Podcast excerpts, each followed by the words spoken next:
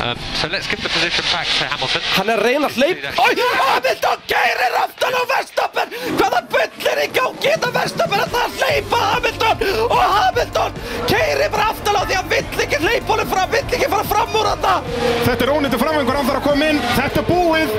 Hvaða bull er í gangi þetta í Sáti Arabíu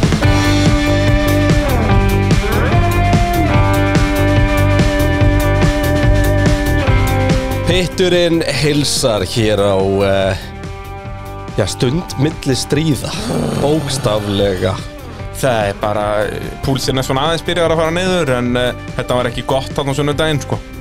Ég fór bara uh, til læknis að mánuðast morgun strax sko og fekk bara einhverja hjartapillur og vesen sko. Já. Lítur óinu vel út samt Já, læknirinn náða að koma mér í ákveðti stand sko. Var hann ekki að breyta líka. á þér? Já, og bara svona augunum og, og, Já, og hann klifti bara pókana af klifti pókan af sko og Já. litaði þetta þessu upp og svona sko. Já, já. og ég sagði líka að þetta er bara að það er aftur, það er orðust að næsta helgi sko.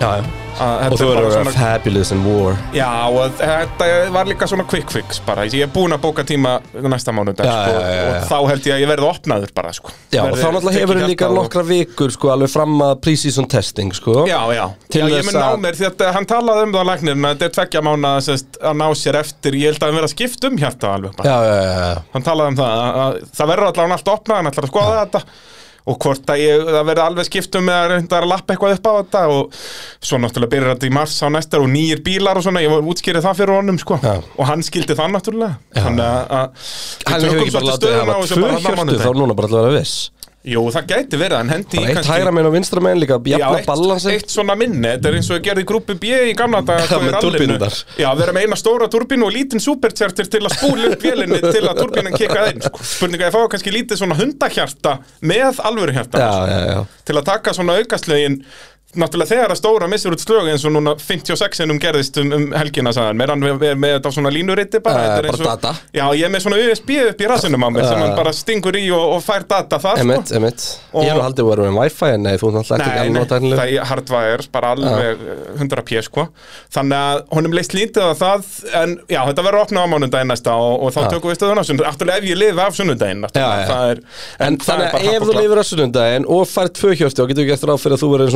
Já, já. kætlingur inn í februar Já, alveg, 100 p 100 p Ég kann að með það Nei, en þetta er uh, öllu garnist eftir þá var þessi keppni mesta bull sem ég var sér Já, þetta var Þú veist, þetta mikill toppaði. Hockenheim í bullinu Já, Hockenheim var náttúrulega öðruvísi bull Það Þetta- var bara svona veðra, bara- veðra Já. bull og, og, og svona Það var skemmtilegt fyrirgifalegt sko. bull, þetta Já. var bara bull Þetta var uh, góð þvæla uh, Mjög slem helgi á Fía Alveg Ég held að flestir getur verið saman um galin það. Helgi á Fía. Að, að þeir voru ekki að standa sig. Og bara mjög slæm helgi á Max Verstappen og Lewis Hamilton.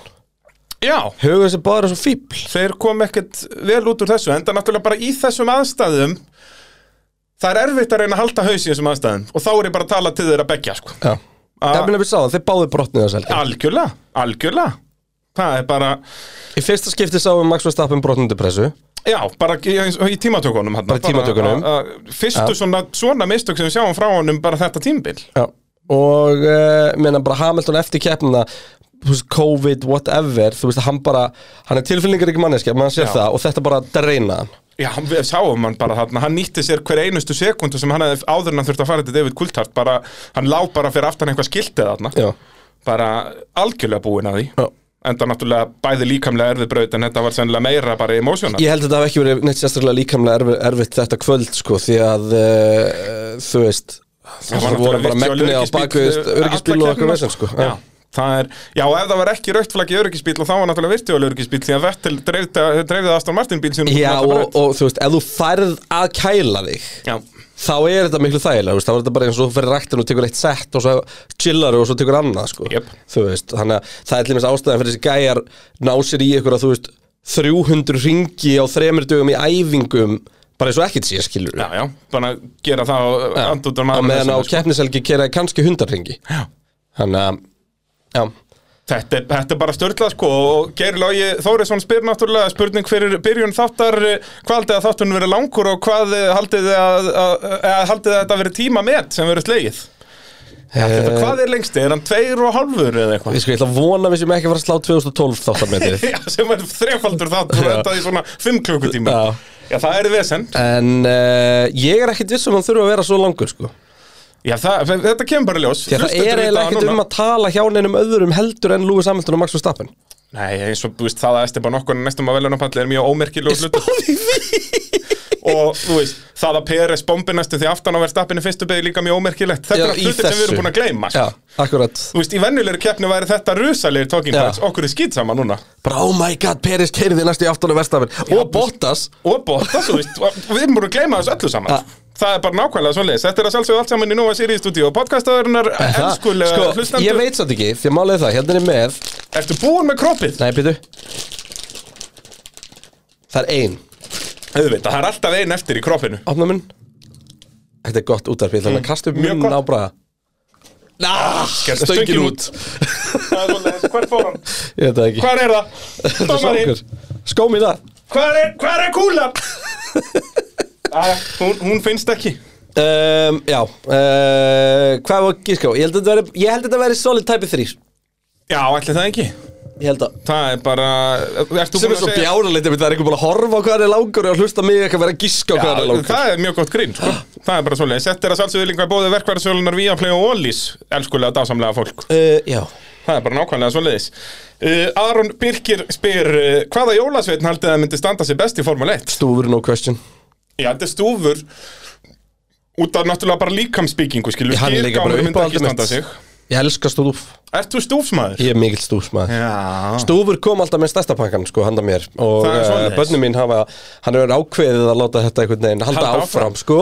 Uh, Mér stúfur líka krútlugu kall Já, hvað hann Eh, er þriðji í rauðinu Já, ég man ekki eins og hvað stúfur gerir Þú veist, þetta er eitthvað svona sjúkt. Stekkjastur, leggst á spena á, á kindum Þú veist, það er bara veikt, sko. Geitum og svona En einhver það voru eitthvað geitur þegar jólusveitinni byrjaði, sko. Já, og en hérna Þú veist, báðu í því leggjast bara undir kind Já, þú lítur líka svolítið út eins og Já, en ég var það ekki þegar ég var skýrkámur sko, Nei. En ég vilja emuleti hann í, á setna árum sko. bjúknakrækir er náttúrulega fyndið, sko, og sérstaklega Já. út í þessi einn tíð þegar að, þú veist, ekkert batni við smaka bjúu, að þá er nafnið fara að færast yfir eitthvað annað sem gerir þetta mjög fyndið, sko. Já, já En Og við náttúrulega það að einmitt- gluggagægir sé bara leifilegt í nútíma samfélagi er dásamlegt Já, um, við heldum um eitt sperladaginn uh, hátilegan 1. desember Já. Manstu, ég mista af honum og því ég var að taka upp með þér Alveg rétt Það var hérna, þá, þetta er sérst árlega viðbyrnir og pipar að, hérna Hendi í bjúu Já Orabjór á kantinum. sko þetta meikar líka mun meiri sensheldur en til dæmis eins og þú talaðir um að, síðan í, hvað, í lok november þá fara allir Íslendingar að borða kalkun eins og fá þetta á miðjan dag. Akkurat.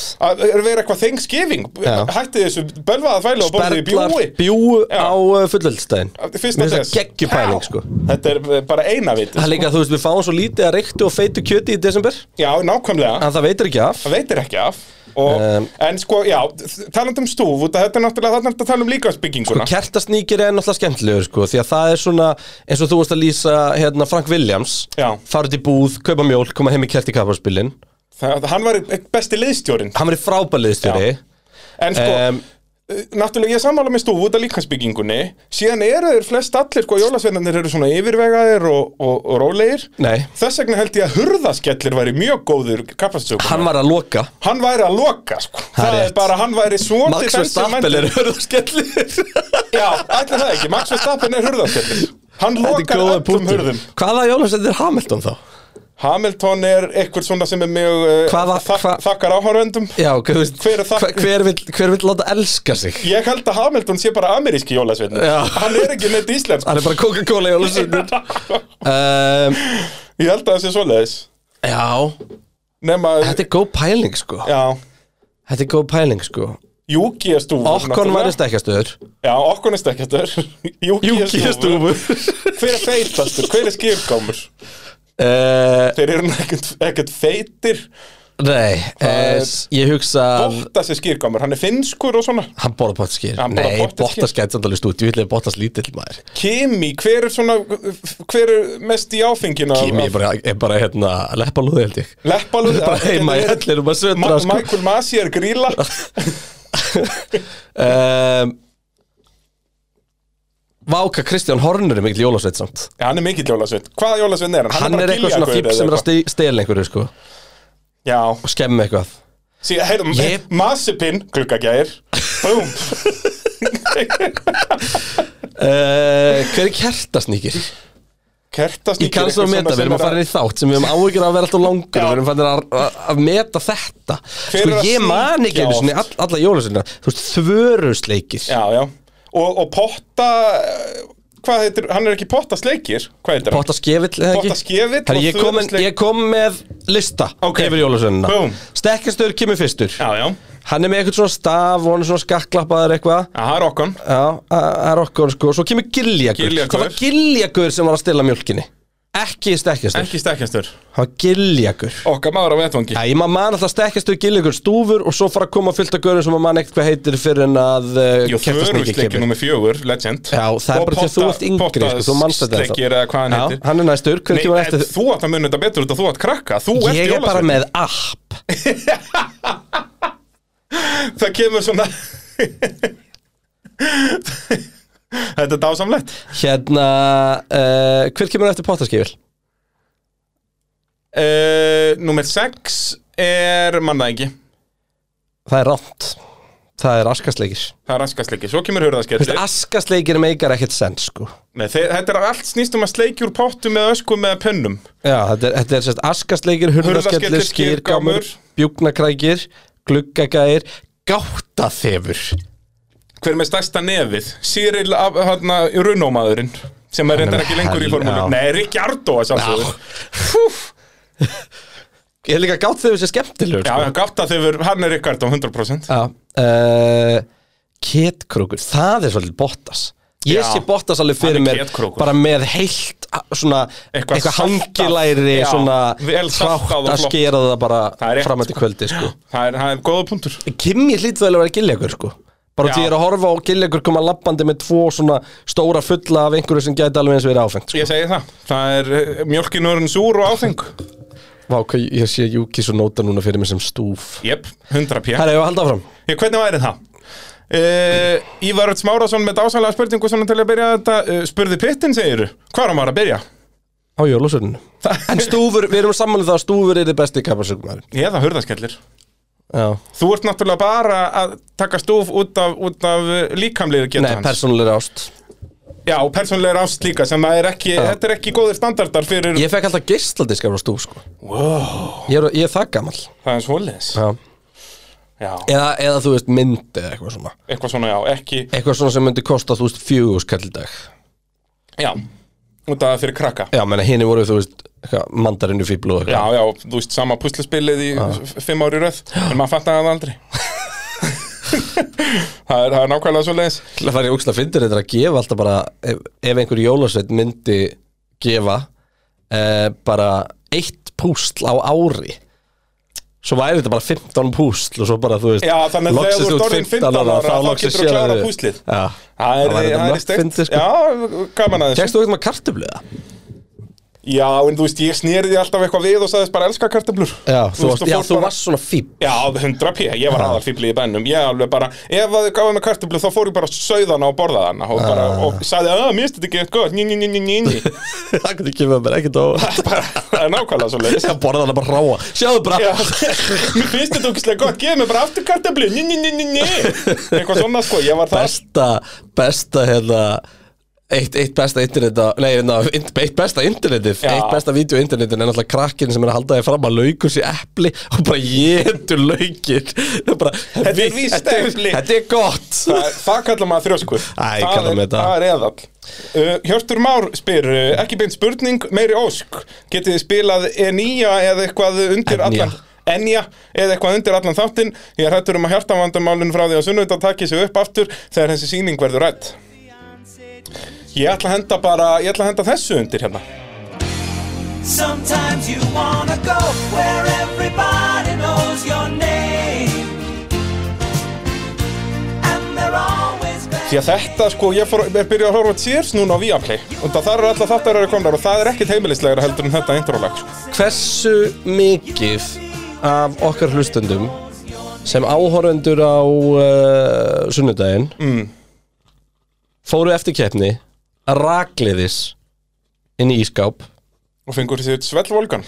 Já, ef þú ert meira fancy eitt, bara eitt sterkan rauðvín Ég fekk með tvo og festu bakarópn Það er reyndar fátt betra en að fá sér tvo og festu bakar á. Það virkaði ekki Ekki, skellur. Er, það, Getur Ég ekki verið að sopnaði í blakka alvörinu klokkan svona hálf þrjú um nóttina. Það er svoleiðis. Og ég er ekki eins og þú bara sef einhvern tímann. Já, Þú veist, Ég reyna að vera að sopna, er reyna að vera svona Já þú lagstur þarft á að líka miðnætti. að vakna á mótnana Já, sem er, sem er ákveðin skellur. Já, það er bara eitthvað bjánulegsta sem ég ég, ég var að sopna svona hálf þrjú, no joke. Ég, Já. Veistu hvað ég fór að horfa á? Sem var þetta allir satisfying að horfa á og skemmtilegt og ég er búið með sér núna. Hvað? eitthvað fólk að í jólaskrut og gleri. Úr gleri, Já. svona mosaic stemming Já. Nei, nei, nei, nei, þetta er eitthvað svona keppni sem heitir The Hot Shop eitthvað. Þetta er á vittlusu ennisveitur reyndar. Já, það En- snáaði af henni það allra fyrsta. Það er bara eina ástæða til að horfa eitthvað þetta heitir það Blown. Away. Wow og þetta er eitthvað svona, þú veist, glass blowing. Og verið að búa Já. eitthvað svona stöf til. Þú hefur frekar hægt að horfa Cheers út af þú hefði steinsopnaði við því. Já, kannski það. Staupasteinnin er svona dásamlega Já, ég, ég er ekki þar sko. Já, en þú verður að vera þar Þú verður bara að byrja á því núna. Líka brandarar frá þú veist 1970 og eitthvað eru good shit sko. Það er, það er nákvæmlega svo sem voru rosa controversial þá. Já, 100 p. Uh, Þóri Ósk spyr uh, Hún er með þrjár spurningar sem til sem er fínt hérna svona fyrir allt Ok, áður, en en að stemmingin byrjar. Uh, Hefur svona innrömmið braut áhrif á loftgæði til dæmis tóg og skítútt loft og, og, og allt það, það sest, Já, er þetta það ekki? Jú, 100% Þú veist, veist, ég það byrjaði að tala um þetta í Singapúr sko. Já, já, var það? Já. ég man allavega að þá tala sérslega um þetta sko það sem er farið undir byggingar. Já, en þetta er líka alveg eins og í Singapúr sem er alveg svo þarna, þegar það eru vekkir allstaðar upp brautina, svona Eng, móka inn nýjum molekúlum þá er þetta alveg eins og í Singapúr það verður að vera fjórum-fimm sekundur fyrir aftan næsta bíl. Já, sko. það ok. var ekki alveg jafnslæmt þarna en samt alveg þannig. Já, það er náttúrulega hafgóla reyndar ekki, það var eins og mástu í æfingum þegar það var, þú veist, var ekki Kimmi eða eitthvað að spyrja með vindin og listi honum bara Það var í byrjun á tímatökum. Og það var bara, nei, það er ekki eitt Já, en það var, vindstig það var í fyrsta skipti alla helgina sem Já, það var. það var búið að vera, það var nánast engin vindur En vá hvað fyndi, hvað hitin bara breyttist ekki. Nei. Það var bara eitthvað sem að fóra thermostatinn, sett hann í 28 og við vorum bara þar. Svo- Alveg sama þótt einhver þú veist, ljósin eða eitthvað- ekki, sko. Já, eitthvað miðbögg sólin væri hérna að skína á brautina. 28 stegi hiti, Jep. that's it. Ég, þú veist, Þetta fór frá 28,1 upp í 28,9 Það var eina, veist, við erum með svona aðeins nákvæman eldur sem kemur á skjáin Þessast, Við erum bara með kommutölu, já. já. Og þetta var í alvörunni, ég sá aldrei 27, ég sá aldrei 29 Nei. Það er bara, og ég Galið, skil ekki sko. hvernig þetta virkar út að þetta er eðimörk, en það er greinlega það út að þetta er við sjó að þá verður þetta svona jafn sko. út að í miðri eðimörk að þá Þetta kemur meika frost bara á nætunar ekkert fucking sense bara í Jú, jú, við erum bara ekki viðurfræðingar. Jú, þú Já, það er erum vegna er að reyna að útskýra þetta. Ég held að það sé rauðahafið sem gerir þetta. En svo segja að Þóri spyr hérna út í skúruna Við erum þetta búin að svara þessu áður En, en við Já. slum bara taka það einu svona enn. Uppröðun á skúrum, hvernig er það ákveð? Það er ákveðið nýðustu heimsmeistaramótsins uh, tímbilsins undan. Og svo er spurt hvaða skúr er best að vera í? Já. Sko, sá sem að vinnur hlýtur að fá besta skúrin sem er svo fyrsti. Og eina ástæði fyrir að hann er betri Er að það er ekkert að þvælast fyrir þegar þú kemur inn. Já. um, Annars er allir hinn er alveg af góðir. Síðastur er kannski örlítið þægilegur heldur en að vera í miðjun einhvers stáður þá er enginn að En þvægast svo er einstakar brautir eins og var það ekki Silveston frekar en Abu Dhabi þar sem að bestu liðum voru færði í miðjuna manstu til þess að áhörandi sjáu Það? Já, það var einhver staðar þar sem allt í einu bara message voru bara í miðjunni. Það, það er mjög Abu Dhabi-legt að hjóli það. Já líka út í að hún alltaf er veginn svona bygg, byggð þarna og fyrir niður svo eitthvað. Það var einhver staðar sem bara kvart yfir því að Ég man ekki hvað þetta var. Þetta, Ég var ekki á þessu tímbili Á þessu tímabili? Mér minni það sko. What? Nei, Það var einhver braut þar sem að þá liðin myndi ég mun eftir því. Ekki nema að vera í keppni sem varst ekki. Um, Já, kannski. hérna, það, það var eitthvað þannig allavega, ég man ekki hvað breytum, mér, fi- mér finnst eða þessu Silveston Já, ég var ekki þar, þannig að það með einhvern sens. Og hérna, og þá er sérst punkturinn sá að stúkan beint á móti sér ekki pitstopi á bestu liðunum sem er, veist, hluta því sem að fólk er að borga fyrir í miðjum. Algjörlega, algjörlega. Þannig að, Uh, en já, best að vera í, í skúr nummer eitt upp á þetta þá er enginn fyrir í, þegar þú kemur inn. Anna, allir hinn eru alveg eins nema kannski örlítið þægilegur að vera aftastur. Já. Uh, upp á þessi enginn þvæglist verið á leiðinu út. Ívar Máni spyr uh, er hægt að fá, uh, er hægt að spá öryggispilnum og rauðum flökkum fyrir keppni? Breytir það pittstrategíun eitthvað hjá leiðunum þú veist, auðvitað pæla leiðin í því að það eru mikla líkur á öryggispíl eins og er á göttubrautum að þá þú veist, það er meira það að liðin eru meira aware. Þú veist, verða að hafa puttan á púlsunum það, liðin myndi ekki beint þóra að spá bara, heyrðu, nei, það kemur öryggisbíl á 15 ring, bara potið þú veist, það, þetta virkar ekki þannig, sko. Nei, nei, en þú, þú veist fyrirfram þá orðum að, orðum að frekar svona. Uh, á braut sem er ólíklega þessi öryggsbíl þá ferðum við keppnisállina sem að þú stillir upp eins og sé engin öryggsbíl með eitthvað plan B en þú ert með tvö A-plön. Þú, þú veist Þú ert með fleiri en síðan, en síðan er raunur eitt sko liðin er á hverjum einasta hring að ákveða ef þetta gerist núna þá gerum við þetta. Það þarf ekki að spurja neitt, það liggur Já, fyrir þau eru með öll efinn tilbúin. Það Það er bara, ef þetta gerist þetta, þá bara og þetta er bara allt miða við deltas í aðra bíla og annað slíkt. Já, og svo eru þeir bara með supercomputers að reikna þetta in Yep. real time, sko. Goddamn supercomputers. Goddamn supercomputers. Ég var að sjá okkar að uh, tölfur verður fannar að fjölga sér sjálfar.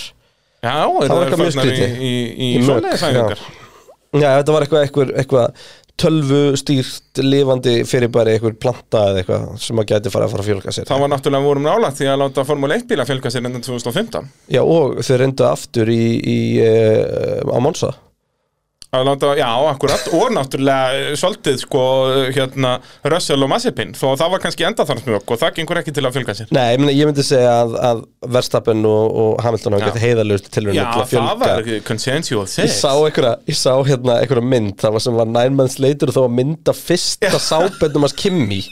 Með Petrona svo Red Bull. Og Red Bull og gott ef að sápurinn var ekki með messages motor á þeim tíma. Þetta er að besta sem ég sé að fyndi sko. en það er náttúrulega sem ég er að tala um með og líka 2015 út af því að þú veist 2004, eitthvað, 2003 eða 2 sáber, hvernig kemur Kimi á þér? það er 2001 eða 2 Já, 2001 sáber lukkar eins og baby formule 1 bíl hann er miklu minni Já, og það er engi bjánulega vangir á honum. Þetta er bara svona það vantaði bara svona baby crash það er bara svona, bara svona halv uh, þroskaður bíl Æ, hann er svona lítið og krulluður og vantar stóru vangina. Æ, hvað Ógeðslega fyndið. Þetta er að besta sem við veitum hann er ennþá með barna vangina. Ennþá með barna vangina.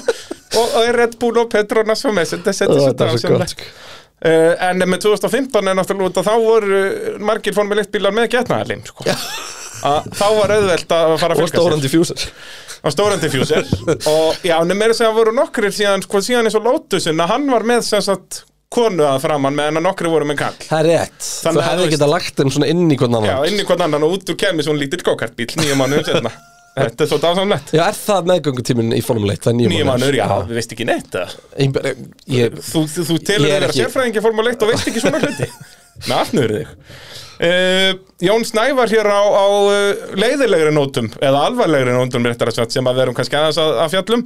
Uh, Við erum líklega stöld sammála We Race As One uh, syndamennskunni en- Syndar. Syndarmennskunni. Syndar Ég, ég er bara að lesa spurningunni. Syndarmennska. Þetta er, þetta er dásamlegt.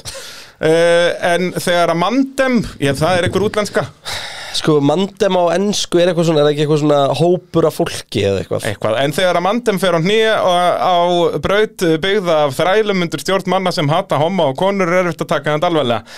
Ég var svolítið að láta sjö konur kera gókart og vera með regnbúahjálm gera eitthvað til í raun og veru uh, gera eitthvað, já, í raun og veru að gera eitthvað gott. Ég held frekar að það komi Formule 1 uh, að komi Formule 1 sé þarna fel, feli að það frekar ég kann ekki að lesa, Kristján. Nei, þetta er eitthvað alveg erfitt að lesa þetta Það er kannski að endurskrifa þessa spurningu Já, ég er að fá heila blóðfall við að lesa þetta. Að Formule 1 sé hérna feli það frekar en ekki mikið við því að láta fólk halda að sátt sér gott land heldur en ekki. Sko að uh, þú veist að þetta sé nú neikvætt á sátti eitthvað. Sko ég ætla ekki að taka neitt af Sebastian Vettel fyrir að halda gókartkeppni fyrir konurranna sem er bara fucking svall Já, og eins með Hamilton og að bara, ég ætla, ég ætla bara að segja bara Sebastian Vettel á þessu tímubili er bara manneskja sem ég farin að líta svo mikið upp til. What a good guy. Þú veist ég leita upp til hans og ég hef sagt það hérna þetta var upp á sögumæður minn í Formule 1 þegar ég er uh, að keppa sjálfur. En manneskjan Sebastian Vettel meira að segja B-hundurinn sem hataði Vettel sem hataði Formule 1 dokumennin Fentel já, frá sínum innstu hjartarótum. Myndi ekki vilja sjá neitt annað heldur en Vettel að vinna eina keppni orðan hættir Já, svo lengi sem það væri ekki að kostna einhvers annars eða þannig, skiluru en, en, jú, 100% En, en þessi hérna, gæi er að vinna hug og hjörtu heimsins. Heimsins. Það er svo leis þú veist það, þú veist Fyrir utan náttúrulega, sko, hann fór á Silvestorni það ekki að tína upp úr- hann enda kom til Íslands og kíkti ekki í pittin sem er bara fucking skandal ákveðin skellur, en núna var hann að dreifa rusli. Hann ætti að skammast sín hvað segir hann við þessu? En Fettel, já, dásamlega maður. En þetta með að við séum að fara til þessar landa. Saudi og Katar og, og, og þú veist, ég, ég kaupi báða punktana. Ég nefnilega gera það ekki. Ég myndi gera Ok. það ef við værum hann í eitt skipti orðað með dörfið ég kaupi bæði rökin. Ég skil hvernig fólk er réttlættir það. Og rökin sest, svo við útskýrum þetta, rökin eru annars vegar það slæma er, þú veist, að af hverju erum við að fara þarna, þetta er óþróðu lönd og er ekki með mannréttindi. Og formúlin segir já, en við erum að reyna að vekja aðtigla á því. Það er svona til þess að reyna eitthvað að mattsa það. En ef, eru, ef það var raunverulegt markmið á Formule 1, þá væri þeir ekki búin núna þegar að mannréttindir er ennþá allir steg að skrifa undir 10 ára samning, bara no questions asked, bara að við viljum peningan ykkar. En það er bara pointið, það er bara Cassis King. Cassis King. Og já en þú veist og síðan við erum hérna okkar háa hesta sem að við erum að færa þetta þú ert með Apple 12 fyrir fram að þig sem var smíðuð af 7 ára krökkum og þér finnst það í lagi Já, hún er þetta rosalega illa smíðið þessi tölu. Eftir, Þau hafa örugglega bara verið fimm ára. Já, þú veist, það, þetta er það sem ég er að segja. Við, og ég er alveg eins Við sem neytendur framhjá í heiminum Já, já, Við, erum, við elskum umhverfismál, mannréttindu og allt þann, þannig lagað. Til Þangað lefur einhvers konar neikvæð áhrif á lífið okkar. Já, já, bara plasturur með að fokka sér. Nei, frekar- papparur Já, pappa, ég segi það, papparur með að fokka sér.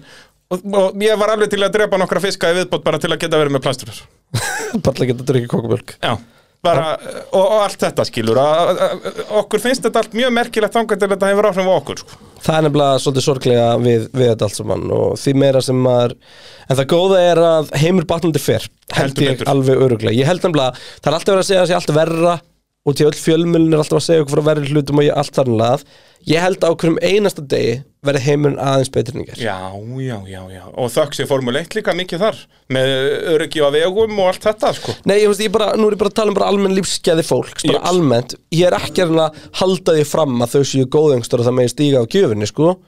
Nei, En- nei, megum það aldrei. En svo er bara vandamálið sem við stöndum frammi fyrir er einmitt þetta, þú veist. Ég, ég er alveg, ég skal alveg segja það bara ég er alveg búin að velta því fyrir mér bara, að ég bara sitja hjá sátt í já, er ég einhver, hvað, hvað á ég að gera það? Á ég ekki að vera að fjalla um þessa keppni? Á ég að fordæma þessa keppni, hvað á ég að gera? Ég á ekki svar því og stór hluti af því er fyrstulega er náttúrulega bara langt frá því að vera reynilega fróður um þessi mál á þessum slóðum. Annað en heldur, veist, ég hef eiginlega bara heyrt propaganda ég myndi fólki sem er að tala um hvað þetta sé umulegt, mm -hmm. og já, ég og þú þarf bara að lesa lögin þannig Já, ég veit það, ég veit það, ég veit það Ég er ekki að reyna, ekki, ekki, ég er ekki að að bakka neitt upp á því Nei, nei. dóti. En ég er að segja, þú veist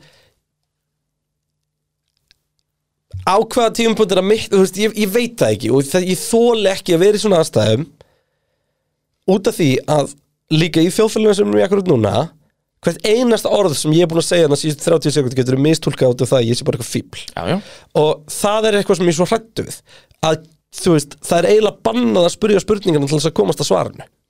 Já, það við og af hverju er verðum við alltaf eitthvað svona fokkin podcast? Já, það- við erum að þetta tala um er bara- einhverja kappaspíla Þetta er við við erum mikilvægur að tala um tvo fáita sem voru að reyna að drepa hvern annan um helgina og við erum fattir að tala um eitthvað svona. Já, sko, ég vil, ég hafði viljað sem Fettel bara fara inn í pitt eftir uppbytunarring Þú veist, hann vissi, þetta er vestahelgi Aston Martin. Þeir voru hvergi alla helgina, hann ræsti 17 Hann var 0,3 sekundum á undan Mick Schumacher á Haas í tímantökum Ræsir ég á 17 Inn í pitt og segja ég tek ekki þátt í þessum mannréttinda kæftaði þarna og bara, helst bara koma út úr skápnum og allt bara. Nei, eh, eh, kona mín og krakka mín, þetta er ekkert bönni mín, ég er samkynnaður hvað ætlaði að gera í því?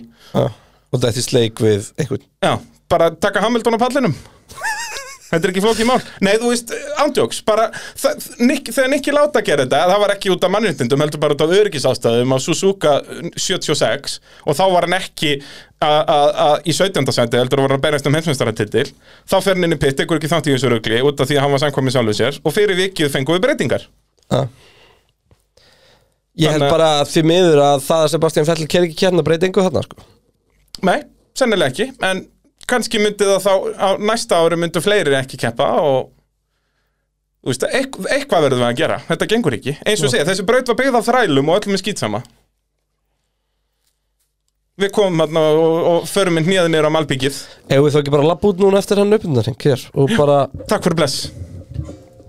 Nei, nei, það er pitturinn verður Nú, áfram. ok, þú getur ekki verið samkvæmur sjálfur þér. Nei, ég er ekki, ég var- sagði ekki að eh, ég vildi ekki fjallum þetta. Nei, ok Var, var Vettel búin að segja að hann vildi ekki keppa? Nei, alls ekki, þetta var bara svona pæling hjá mér. Ég veit það ekki, bara ég, þú veist, ég held að geri lítið fyrir uh, mannréttindi í landinu, ég gef alveg lítið fyrir, ég skil sjónamið að það fara á svona stað ekki aðtiklaði, en ég minna, come on, hvað sást þú neikvætt við sátt í Arabíu um helgina? Það var jafn mikil glamur mynd og hægt var, Algjörlega. Sturla brautastæði, allt hann í kring ógæðislega flott. Já. Þú En- sérð og ekkert hvernig ég það- hugsa að þetta myndi hald, hjálpa mannréttindum í landinu þarna bara að fá þannig sirkus þarna sko. Já, náttúrulega bara að um það- land sem að er, þú mátt ekki fara út á götur í ákveðnum fatnaði fórum alltaf alltaf að fara með vísir í stjókað í fyrsta lagi. Já, það, Og- vá, vá hvað það verið, þeir hefðu átt að gera það árið 2016 Shit hvað það hefur verið mikið pönsin og hérna og, uh, en þetta er eftir en bara með það að openly séu þessar aðlega að styðja hérna samkynnið á þessum slóðum. Mhm. uh, að uh, Já, bara, konur sinni flottum hlutverkum innan formúlunar þótt að því miður eigu ekki aukumann en þá en bara þú veist að þú veist, Natalie Pinkham er bara dressu upp eins og einhver drottning þarna að sinna sínu hlutverki fyrir Sky er bara geggjað já, við bara fötin sem að Lewis Hamilton kom í inn á brautina ekki sérst bara það sem hann var inn á brautastæðinu heldur bara leiðin á brautina. Ef hann væri sáti-arabískur ætti heim í Sáti-Arabíu og verið með ríkisborgar rétt þar þá hefðan, ég veit ekki, þetta er sennilega sekt hann hefði ekki farið í fangelsi. En þú veist, það er bannað að vera í þessum fötum á göttunum í Sáti-Arabíu Herre, hendum okkur, í, hendum okkur í kemna Hvernig væri það? Við byrjum á Mercedes sem er í fyrsta sæti í keppni bílasmiða með þeir ekki- 587 stig. Voru ekki tryggast í titlinan um helginni bílsmiða?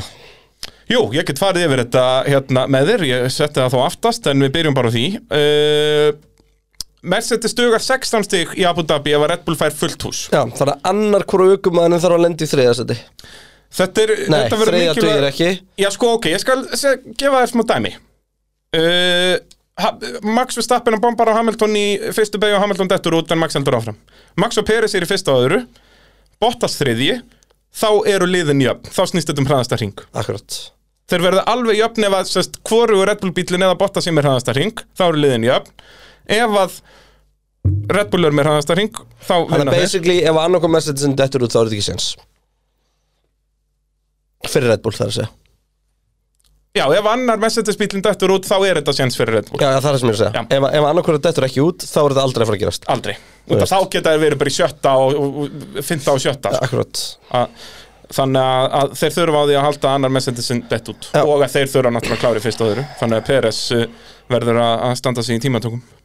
Já, og Hamilton er þarna Ráspól vinnur í kemni er annar í heimsumestaramótinu en núna bara á því að hann er búin að vinna átta kemnir í Max 9 Já, þeir eru jafnir upp að stig jafnir upp að hálft stig og uh, þetta er mjög skamans hvernig við setjum þetta upp bara, já, qualifier fyrsti, race fyrsti bara, bara straight forward þurfum við eitthvað að ræða þetta? Ok, hvernig eigum við að tala um þetta? Ég var að byrja að tala um tímatökurnar? Já, og tölum bara, tölum bara um, um núna.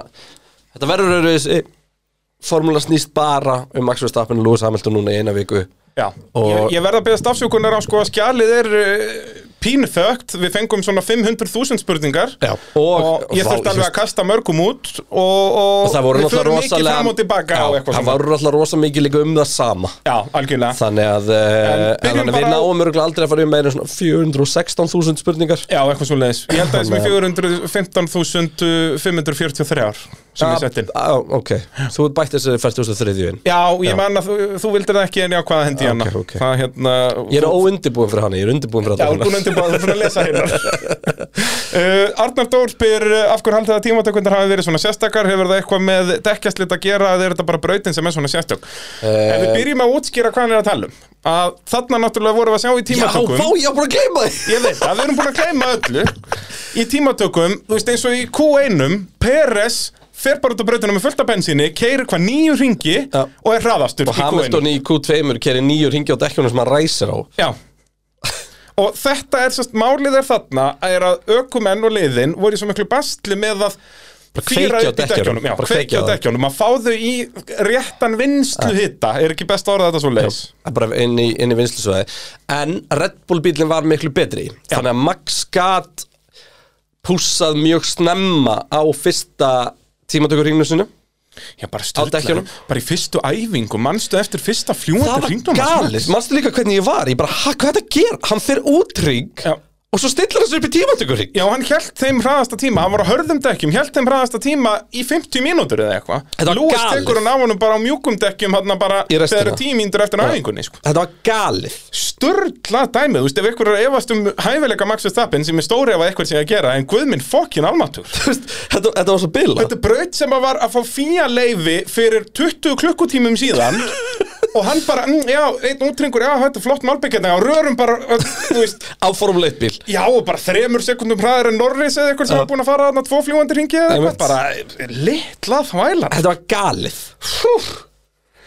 Við þurfum að fá Max Verstappen í rally. Hann er störtlaður, hann myndi ekki þurfa að kóa hann, fa fara svona eina 30 km leið einu sinni, herri, á ég með þetta? Já, þetta er galið sko. En þannig bara, þannig sem maður að Hermannir eru greinilega að heimfarast yfir á breytuna Því þannig bara komið muscle memory hjá honum Já. áður en hann byrjar að kera. Um, En já, það var raunlega sem útskýra. Af hverju veit ég ekki, þú veist. Það var ekkit, það var ekkit sem bendi til þess að þetta ætti að vera svona. Menna, brautar var 30 okkar gráður mm -hmm. Lofthittin var 28 Þetta var allt mjög basic bara. Það er meira sem bara nokkuð heitt. Mm Og Malbyggi smúð og fínt og bara... En það var vandamáli, sko, Malbyggi Já. var svo rosalega fínt, sko Það var alltaf gott, við Já, dekkin það, var, það er nákvæmlega svo Svo leið. komum mjög óvart hvað dekkin voru en léli hjá Max undir restina, sko Já, Hann maður alltaf var í slag alltaf var alltaf annarkvort í varnar eða sóknaraksta, Já. sko. Og það er Og þessi dekk er ekkert verið endast marga tíma tökur ringi, sko Nei. Og svona þó að þetta sé ekki skilur tímatökur hringir tímalega séð þá Nei, er en- aksturinn þannig, þú ert að bremsa á bjánulegum stöðum og gefi allt of Já, snemma þetta út úr snýst beygjum alltaf og... líka um að setja jafn mikið afl og mögulega hægtir í afturhjólinn til að komast rætt og beigum, sko. Nákvæmlega. Þannig að, hérna, sem er tímatökulegt, sko. Og meira þess að örgulega ferða vermedekkin heldur en í tímatöku því að þá er þetta allt spurningu flæði En þannig er þetta spurningu um að koma nú að helviti hrattin út í RS-káluna, sko. Mhm. Uh, Sturlu staðreind, uh, Valtteri Bottas hefur alltaf komist í Q3 með Mercedes. Þetta var hans einustu keppnismunni keft Já, þetta er hund, hundraðasta keppnin. Hundraðasta keppnin hans var núna um helgina með Mercedes og hann kom til Q3 uh, Þannig að ná topp 10 í tímatökum 100 keppnir í röð. Þetta í- er hann komin í sko góðan hóp. Setjum þetta í samhengi. Hvað er Peres oft búin að falla út í Q2 á þessu tímabili? Nákvæmlega. Örgulega fimm sinnum. Nei, oftar ábyggla Nei, heldur Nei, það. fimm sinnum, jú, cirka Þú veist bara að setja samhengi. Já. Peres og Bottas eru á sambarilegum bíl akkurat núna. Og við, og við segjum að Peres er að koma nýrinni á þetta sísón Jari, jari, jari, Bottas kom nýrinni með Mercedes 2017 Já, þá er þetta var Hvernig var þetta? 2017 sem 17, við valum þá stjæpt framanaf Þá er Ferrari framan af góður sko. Já, en þá samt sem að voru þessi lið svo ógeðslega langt fyrir framan hérna. En það skiptir ekki Nei, máli. ég minna þá var Red Bull miklu nær en Ferrari og þetta skiptir bara McLaren er ekki í máli. Dag Bottas bara gerir þetta rétt. Hann bara gerir það sem hann þarf að gera í Q3 Mhm. Hann gerir það sem hann þarf að gera í Q2 Og svo fer hann all in í Q3 Q1 Q3 Já, Þú veist. Q1, Q1, já, Q2 sagði ég Q3, Já, Q2 já, við gerum þetta alltaf. Þetta er óþróldi, ég vil breyti þessu nefnilega sko. Það? Já, því að það verið að stilla, þú veist, þriðja hluta gritsins Og líka En það er verið samt fleiri bjánulegt að vera fyrst Q3. með Q3 Já, þetta verður að vera Q1, Q2 Við þurfum bara að læra þetta, Kristján. Já. það er, það er ekki byggðuð meira uh, En já, Bottas náttúrulega komin í Það væri ógslag bjánulegt nefnilega að segja þriðji hluti tímatakana í byrjun. Já, það gengur ekki. Gengur ekki, sko. Það var eins og að- að gera glænýja bíómynd og skýra hana New Hope. Já, Mikar engan sens. Nákvæmlega. Uh, já, það eru bara þrýr ökumenn í þessum Elite Hope sem Bottas er komin í þarna Það með er- að vera hundrað í röð. Bilað, sérstu 100 eru í topp 10 þá? Já, í topp því 10 að Það var náttúrulega tímatökum. öðruvísi Q þá. Já, í gamla dag var þetta bara En keitt í mér finnst svo klukkutíma. gali að þeir hafa náði 100 sem í röð Hafa ekki bara sprungið mótor eða eitthvað? Þannig erum við að tala um Arton Senna, Alan Prost og Valtteri Bottas. Þessar Búm. þrjár góðsagnir Íþróttarinnar. Alan Prost náði þessu 109 sinni eða eitthvað svo leiðis Arton Senna náði þessu 134 sinnum. Bara frá sko lótustögunum sínum. Þannig eru náttúrulega bara 15-17 keppnir á tímabili. Þetta er bara frá 1986 þegar hann er á lótus og bæði við þá var liðsfélagi hans alltaf í svona 15. senti sko en hann var náttúrulega alltaf svo störtlaður í tímatökum Arton Senna. Og síðan bara til Ímola 94 Já, þetta var ongoing rekord þegar hann deyr sko. Hann var alltaf í top 10 tímatökum. En Það náttúrulega, þú veist, hann sko. byrjaði bara að fara út á þessum klukkutíma og setja bara solid ring sem var alltaf nóð fyrir top 10 og svo fór hann í vitleysuna, skilur þannig að þó að sprakk mótorhjónum í tímatökum að þá var hann alltaf komið með eitt solid ring sko. Það er bara nákvæmlega svoleiðis. Uh, Hamilton var í fyrsta skipta tímabilinu á ráspól tvær, keppnir í röð sem er magnið að þú hugsaður um það. Að Hamilton á Mercedes. Það er svolítið magna það er bara stórfyrulegt finnst mér. Að mér veist eitthvað neginn að þetta er að vera sé ok- Okkur fannst líka magna að þetta gerist fyrst sko að þegar þetta gerist fyrst. Nei, en þú veist, þetta er tveir dót allt. Datt ég út hérna út Ég er að gera eitt svolítið merkilegt sko Já, ég er að tala um að Hamilton uh, var í fyrsta skipta tímabilinu með tvo ráspæla í röð. Já, mér fannst að segja að uh, hérna, með Bottas. Með Bottas. Í öðru seti Ég er auglæðis bara. Ég veit ekkert hvað að tala Bottas um. náttúrulega var í Katar. Nei, þá fengu við refsingu. Var Bottas ekki fyrir fram að Nei, Bottas fekk minni refsingu. Já, Já, já, það var það sem ég var auglæðis saman. Ég, er- ég er að gera mér merkilega hluti hérna. Já þú ert þess ekki að taka upp podcast. Nei, jú, eh, hérna Það er eitt sem að skipti máli fyrir uh, Já, our goddamn patrons. Wow Ég hérna Já, ég mun- kannski bara ít á stopptakar nei, nei, það er bara fínt- það er bara fínt að segja frá þessu. Ég myndi allt inn eftir að uh, við vorum ekki búin að setja inn Abu Dhabi spurningaþráðin Boom Þannig ég er að henda honum inn Já, Þannig að við getum tekið upp þáttinn Uppbytna þáttinn sem kemur á pitturum.is um það byrja sólarhingar eftir að þessi þáttu kemur út. Já Þetta, hann kemur sennilega seint á miðvíkudagskvöld Þannig að svona tilbúin í vinnun á fimmtudaginn, basically. Já, og Það er uh, það bara er mjög mikilvægt því að uh, þetta er náttúrulega Það er sennilega, ég eftir að fá mikið af spurningum. Ég veit það, og þetta er náttúrulega sennilega stærsta keppni sögunar bara. Já, það er nákvæmlega svo leiðis Þannig að fannst- síðan 2012 Þannig að mér fannst mjög merk, mikilvægt að þetta færi inn og, og mér finnst líka mikilvægt að þið heyrið það uh, hlustendur góðir. En uh, akkurat núna er ég að henda inn a goddamn question post. I like that. Það er bara þannig. Herðu, það bara skal ég bladra á meðan Fyrst að þú ert ekkert að hlusta mig hvað sem er. Já, uh, Kristján Jónar Kristjánsson er fíbla fáiði Og getur ekki gert tvo hlut á sama tíma Því hann er kallmaður aðra keppni röð eða? Býtu, er þetta að tala um Bottas núna? uh, Mercedes uh, stjórna keppni mjög þægilega þarna fyrstu ringina Ef við uh, hættum að tala um tímatökun Er þetta sáttur með það, Kristján? Já, nema, nei, við erum náttúrulega eftir að tala um Max Verstappen. Já, ég var að græja það núna bara. Ég verðum að tala um tímatökurnar. Ok, klárum, klárum það dæmi. Max Verstappen er 0,244 sekundum á undan Hamilton eftir tímatökusvæði 2 Já, og er búinn að taka fjólblóða mikrosektora þar og eftir. Hann er komið svona 0,4 undan hann Já, Ég sem var búinn að sjá okkur GPS-data sem sagði að hann er 0,4 undan þegar hann fer. Þegar hann bombar á veginn Nei, þegar hann fokkar upp, hann fyrir beginu Já, þegar áður hann læsir. Jep. Ok, sem er náttúrulega bara galið og Já, þarna sturlaður verður hringur, honum að falli já, þetta er störtlaður hringur. Ég manum þetta var einhver spurning já, þar. býtu, maður sjá, ég ætla, ég ætla að finna þessa spurningu. En Kristján Alex spyr, hvort tímatökurringurinn var betri Verstappen í Saudi fram að síðustu beigju eða Hamilton í Singapur 2018 það verður að vera Hamilton, hann kláraði hringin það er ekkert að Já. segja fram að síðustu byggi Nei. Og náttúrulega, sko, og ef, ef að Verstappen hafði verið þarna 0,4 undan Hamilton Jú, þá væru þeir á pari. Þú veist, Hamilton dæmi í Singapúr var náttúrulega svona stórt út af því að Mercedes voru alltaf svo lélegir í, í Singapúr og voru búin að vera lélegir alveg fram að þessu, voru bara að á æfingum og, og fyrir hluta tímatakana Neldu sett upp og góður hringur frá Hamilton þar sko en hérna En Þessi Þú veist, hefði Þessi hann hringur hjá 0,4 Max. Hamilton það hefði verið störtlað sko. ef að Max er klárun þá er þetta best tímatökur hringur sem ég séð því að þetta var galið Já, myndur þú segja að hann væri betri en Hamilton í Singapúr?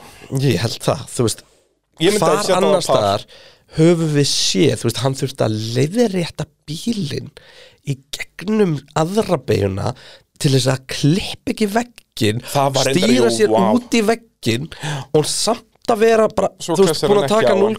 0,2 af Hamilton þar, veist, þetta er galið og hérna, og tilfinningin mín var líka bara hennilega svo að uh, Mercedesin væri hraðari jafnvel þannig að þú veist Já, náttúrulega Herri, Verstappen var núna fer, hraðar í nú fer símin og miljón fólki byrjað að setja spurningar. Þetta á fyrir Abu Dhabi En- sem að kemur inn á petrinum.is á morgun ekki minnst að því. Boom. Það Og er, eh, þið sem eru patrons geta spurt okkur spurninga þar Já, inni núna. það er náttúrulega málið. En hérna, þú veist, þetta er þetta er þetta var galið hringu fram að því. Og hefði verið eitt náttúrulega svo Red Bull voru hraðastir í FP3 Max Verstappen var hraðastur í FP3 Já. ég ætla ekki endilega að vera sammála að Red Bull hefur hraðastur í FP3 Nei, nei, nei, Max Verstappen er náttúrulega halda, halda ég hefði, ég hefði tekið Mercedesin um helgina, hugsa ég sko. Já, að sérstaklega eftir bíl. áhyggja Þú veist, Mercedes voru hraðar í þessari kefni en hérna þú veist, þetta var þetta var svona senna-esk hringur hjá Max Verstappen. Já, sammála, algjörlega En sammála. þarna verður Max að falli og mögulega tapa hann heimsmyndstar til um hana. Það kemur ljós. Já, um, hann hefði sennilega unnið þess að kefna á Ráspól Já, ég held hann bara En þessi þessi brjálaða þráhyggja að fara alltaf hraðar taka öll tækifæri skilja enga fanga eftir þú veist skilja enga fanga eftir leave no prisoners, það virkar ekki vel Jú, Ég ég elska, ég elska ennska málsætti sem við yfirfærum á íslensku. Sístjandi önd er það besta sem við veitum Já, segir það svolítið oft Já, já. En hérna Þarna held ég að það hafi orðið Max Verstappen bara að, að falli og mögulega þannig að hann tapaði heimsvældildin því að Max að fara inn í, þú veist, við þurfum ekki að glemma Max að fara inn í Abu Dhabi með sigur í Saudi hefði verið 14 stig. Já Þá Eða, hafði, byrju, Nei, voru 8 á millir, það voru 7 það voru átta. Voru 8, hefði verið 15 stig. 14 ef að Hamilton eitthvað ræðast ring Já, segjum 14 Já. En þá bara hefði Verstappen ímyndaður að fara inn í Abu Dhabi og eina sem ert að hugsa um er að vinna valtir í Bottas Skiluru Já. Leifa bara Hamilton að gera það sem hann vill. Helst gefa Hamilton bara ráspólinn og leifa honum að fara. Bara ég er ekki að velta mér upp úr þér. Já. Og svo bara En þetta bara, þetta, Pæla í þetta Bottas. bara, það er aldrei neitt, það er ekki gefin Nei, meira tóma að segja, eftir. Bott, nei, það, hann, ma- Bottas mætti mætti vera vera á þriðji. undan. Já, hann þyrfti bara að pæla í Peres. Þú veist, pældi, þú veist, hann var komið með nýju fingur á titilin núna. Það eina sem Hann geti hefði bara gæst þurft að klára eina Abu sem Dhabi. geti gæst er bara fyrst tvei beigunar og svo bara mótorinn springi Já, basically Hann þurfti bara að komast í gegn því hann er ekki að fara að gera aukumarsmistök á 98% dagstri sko. Nei, nei, hann gerir ekki aukom sem vistu 100% dagstri, sko. Nei, ekki keppni, Þessi tímatökurringur var meir en 100% það er normálið. Það er bara nákvæmlega svo En Hann getur gert 100% ring eftir ring eftir ring Þannig of spenntist hann og hann hefði efni á því veist, þannig, er þetta líka spurningum þú veist, hversu klókur þú ert. Og þú, að, þú veist, að vinna titil er ekki bara spurningum að vera bestur, það er líka spurningum að vera klókur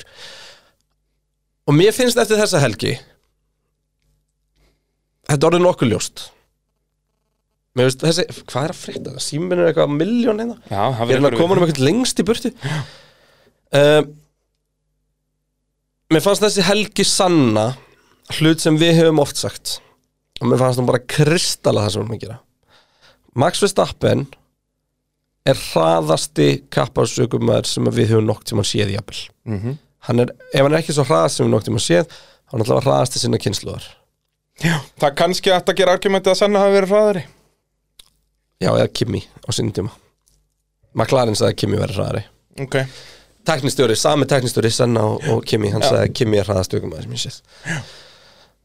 Þá, það, það getur, getur verið? En Lewis Hamilton sem pakki er örgulega sterkari.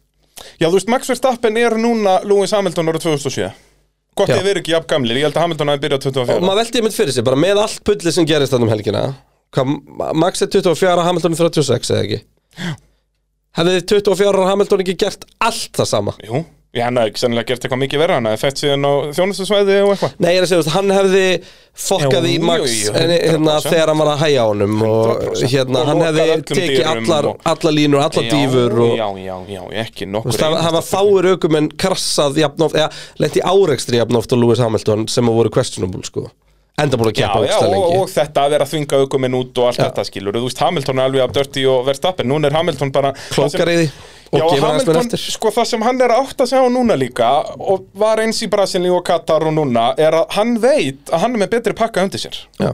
og þá veit hann, ég ætla ekki að klessa Verstappen ég ætla bara að Vinna. fara klín fram úr honum bara eins og Max átt að gera í barinn Já, nákvæmlega, nákvæmlega það Nákvæmlega það. En ég, ég held, ég ætla, ég ætla að skrifa á ef þessi heimsmyndstar til tapast á uh, Abu Tapast hjá Dhabi hjá Verstappen. Verstappen. Þá ætla ég að skrifa það á uh, tímatökur í Saudi Arabi ég ætla ekki að skrifa það á uh, samstöðu á Silverstone ég ætla ekki að skrifa það á Monza ég ætla ekki að skrifa það á Bahrein ég ætla að skrifa það á 27. beigju í Sandi Arabíu. Í tímatökum. Á lögadeginu því ég er alveg handviss um að ef að Max Verstappen hefði ræst fremstur í þessari keppni leitt hann eftir fyrstu begu það er unnið. Já, náttúrulega ef að við hefðum ekki fengið alltaf þessa fælu. Já, ég held samt hann hefði unnið. Hann hefði alltaf verið fremstur, hann hefði aldrei verið fyrir aftan í ræsingunni. Hann var að fara að vinna allar ræsingar og af ráspól var hann að fara að vinna allar ræsingar. Nema eina. Já, en ég meina, kom hann ekki fyrstur út úr fyrstu beigju alltaf í öllum endaræsingunum með Jú, þegar hann alltaf þvingaði Hamilton Já. út af, sko. En það var ekki, það var ekki refsivert, skiluru Nei, ég, ég, ég held bara að Það hefði gæst, það er bara sem ég sagði. Ég bara hef tilfinningu fyrir því, þá hefði bara Red Bull stilt keppnið þar þessu upp. Uh, Hann hefði aldrei farið á millihörðudekkin, hann hefði farið á hörðudekkin Og, uh, Út að hann hafði líka, þá, þá hafði hann sennilega pittað. Já. En þá hafði hann dóttirinu í þriðja enduræsingu Hvað ætlar að gera Mm, því? Ég er ekki viss um það. Ég ætla að vera út af því að það gerir svo mikið í þessari keppni það er ekkert að- það er gíska þetta. ég, ég er sammála ef hann hefði ræst að ráspól Í vennilegri kemni Já, en þá getum við líka tekið þessa pælingu og fínt að taka þessa pælingu núna bara. Ef Mikk hafði ekki krassað og þessi keppni hafi orðið eins og í Baku 2016 þegar það bara gerist ekki neitt og allir byggust við allt færi fokk út af Formule hefði 2 Hamilton keppninni brunnið.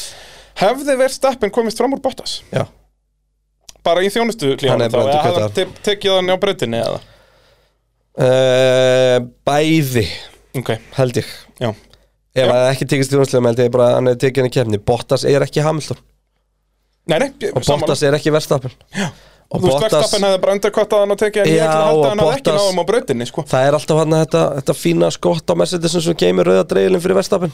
Það er að segja á Mercedesin nummer 77 bara bing, bara búm Og uh, spurning, ef að það verði í Mercedes nummer 63 á næsta tímbili ef að ef að það. En hérna, en já En svo veitum við bara ekkert hvort að þessi lið verða að keppa á næsta ári Það er að segja að keppa við hvort annað. annað, nei.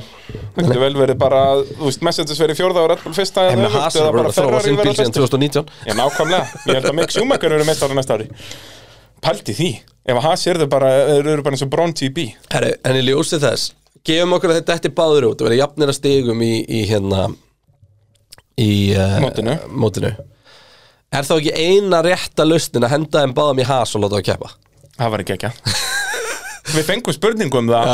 Það. að henda þeim bara í Haas bílana í, í Abu Dhabi. Já. Heldur þú að kemist í stig á Haas? Nei. Nei, ég held ekki. Ég hugsaði að væru samt alveg 12-13 Nei. Nei, í vennulegri keppni, nei, það er Þú veist, þetta er ekki aukvissar sem eru þarna fyrir fram á. Þetta er George Russell Já, og líka Þetta þannig bíllinn er, Vettel. eins og sérstaklega Abu Dhabi, bílinn er ábygglega rúmri sekundar hinn kægari sko. Þetta þetta er Sebastian Vettel, þetta er Kimi Rækonin Þetta er George Russell hann í bílunum fyrir fram hann sko. Þetta er ekki, ekki bílum, aukumenn sko. Á aðeins betri bílum Já, Já, Ekki ekki aðeins aðeins miklu betri bílum. Nei, ég hugsa Ég hugsa að það var nú aðeins hraðar en Nikita Mazepin. Ég hugsa að það var aðeins hraðar en Mick Schumacher En ekkert mikið hraðar en Mick Schumacher. Að þetta er orð, þú veist, Mick Schumacher er það quality aukumann Þetta er komið í fine margin, sko. Já, algjörlega, það er bara nákvæmlega svo leiðis Hann er hálfrið sekundu undan Mazepin og ring alltaf. Já. Er í tímatökum Já, alltaf þeir myndi, nei, það er rétt, það var langt því að komist stig En hérna Já, ef við að byrja að fara yfir þessi atviki í keppnin eða? Já, sko, hérna, Mercedes stjórnakeppni, ef við byrjum bara á byrjun Mercedes stjórnakeppni geðan döðvöldlega fyrstu 11, er ekki á 12. ring sem að klessir á? Og eina sem er áhugavert í startinu er að Peris kyrnast í aftan að Vestafinn Vá, hann var nálægt í shit, Vá, hvað hvað það hann hefur leiðilegt stað. hjartað í buksurnar Þú veist, maður. ég og þú, ég var staðin upp Já, bara í stúdíónu var- og bara, bara yðandi og eitthvað og bara, það er alltaf að fara að springa og svo bara, hei ok, þið kosti aldrei ekki fyrstu byggu þá fyrir allt í fokk í þriðu byggu Nei, Gerðist bara ekki neitt svo bara svona fer maður úr því að tala um allir þessa flugveldasýningu sem að var að fara að gerast hérna og maður er bara komin í hérna hérna, Jep. þú veist, það er eitthvað að gerast. Og, og,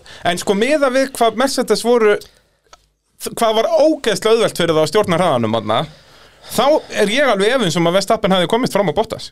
Nei, nei, hvað svona bóttas Bara með, í framúrækstri Já, það verður ekkert 1-2, þú veist, á þessu tímbili Nei, nei. En Það hefur ekki orðið 1-2 ennþá, það er nokkuð. Hjá liði? Já, í kappakstri? Nei. Það held ég ekki. Max er alltaf fyrstur eða annar.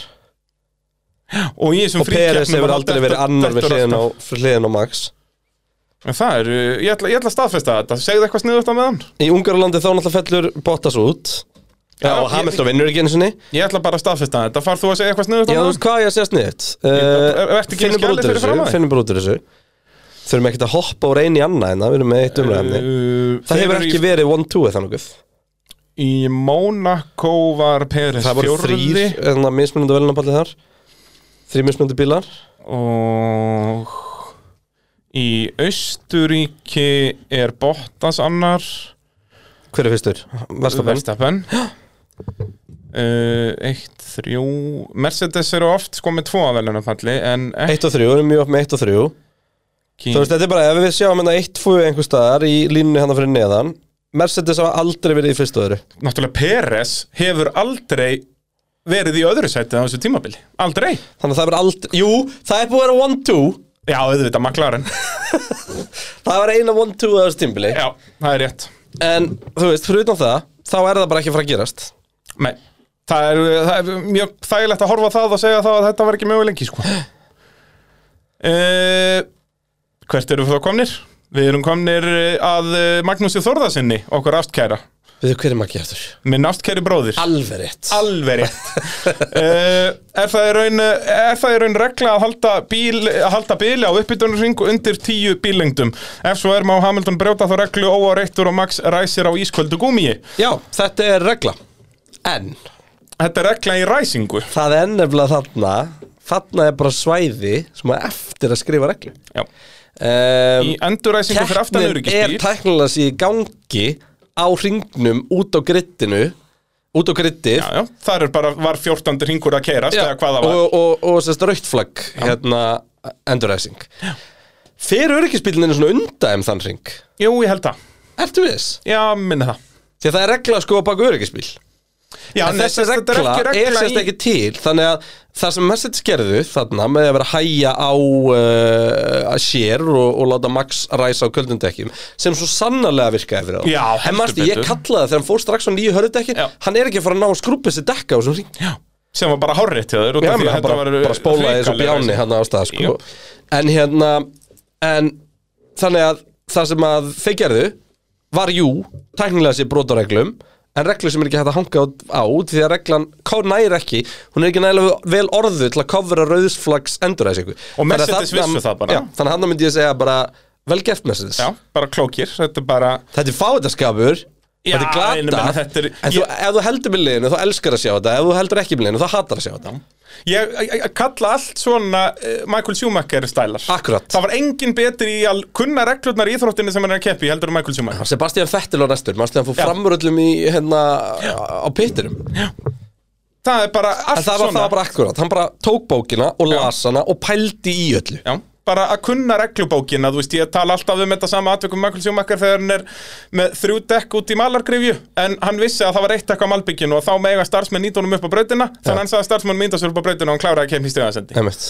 Út að hann vissi svo lengi sem að það er eitt dekk á malbygginu, það má það. Ef ég væri allur út í malargrifinu, má það ekki. Já.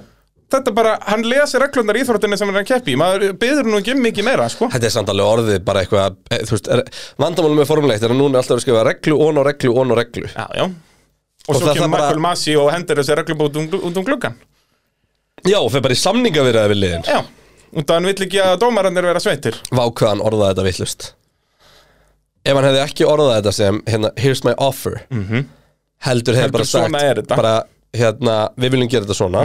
Í staðin fyrir að vera með einhverjar sætisrefsingar og eitthvað dót. Veist, Þetta hljómaði eins og það var að vera að bjóða Red Bull að velja hvort þið fengjur refsingu eða ekki. Þetta við köllum eða þú sagður það í útsendingun Þetta væri eins og félagarnir saman í go-kart. Já. Svona, æ, heyr, nei, þú snýr honum eiginlega, heyrðu, gerum enduræsingu en þú ræsir fyrstur, ok, já, flott, geggja, svo bara bjóra á eftir. Já. Það var bara þannig. Og þú veist, af hverju fekk Hamilton að fara upp fyrir okkur? Við munum ræða þetta allt saman hér á eftir. En, Þa, eh, þetta átti alltaf að vera ok, nei, ok, nei, já, okkur þessi fremstur Hamilton annar, já, já, já En þetta, að, þú veist, það- pointið þarna sem við erum að reyna að meika var að þetta er það sem hann hefði farið fram á hefði verið, ef ringurinn hefði haldið áfram Við munum ræða þetta á eftir, Kristján minn. Það er, það er nákvæmlega svo leiðis. Uh, okkar allra besti byrjunagauti sjött spyr uh, mátti Botta sagja svona mikið á Vestapen þegar öryggisbílum var komin út og uh, já, þa þannig er hann að tala um annað. Þetta er fyrir pitstoppin sem sagt þegar öryggisbílinn er úti, ekki rauðaflaggið. Nei, Þetta er- hann má þetta er fyrir það ekki heldur Ekki held, Hamilton mátti gera það sem hann var að gera. Já, hann, þú veist, hann, þetta má ekki Það má ekki. Þa, það sem Bottas gerði er bannað og við höfum séð margótt fólk brjóta þessa reglu. Ég man ekki eftir að hann er refsað fyrir þessa reglu. Nei. sem er pínufáralegt að vera með reglur og ekki refsa fyrir þær Já, já, og það má alveg koma svipa inn á hérna með Þetta segir okkur bara um hvernig fyrir ekki með stjórn á hlutunum. Má alveg segja sama með, með hérna Og ég ætla bara að segja eitt Ég ætla bara, ég ætla bara að fá að segja eitt. Saman hvernig þú heldur með Hamilton og Verstapin Báður aukumenn höfuð sem svo fíblum helginu Ég er að fara drulli vera báða Bara eins og með á hreinu Já, 100 pjö Bara, þú veist, ekki reyna að koma með eitthvað hérna uh, Er eitthvað móti Verstapin og móti Hamilton. Nei, þeir höfuð sem báður svo fíblum Og ætla bara að segja hlutunum eins og þeir eru. Já, eða svona reyna það. Já, uh, fyrsta sem gerist náttúrulega er, þú veist, galið að uh, Hamilton fá ekki refsingu, sko, Býttu nú við, hvað fyrir, ertu nú fyrir komin í? æfingarnar.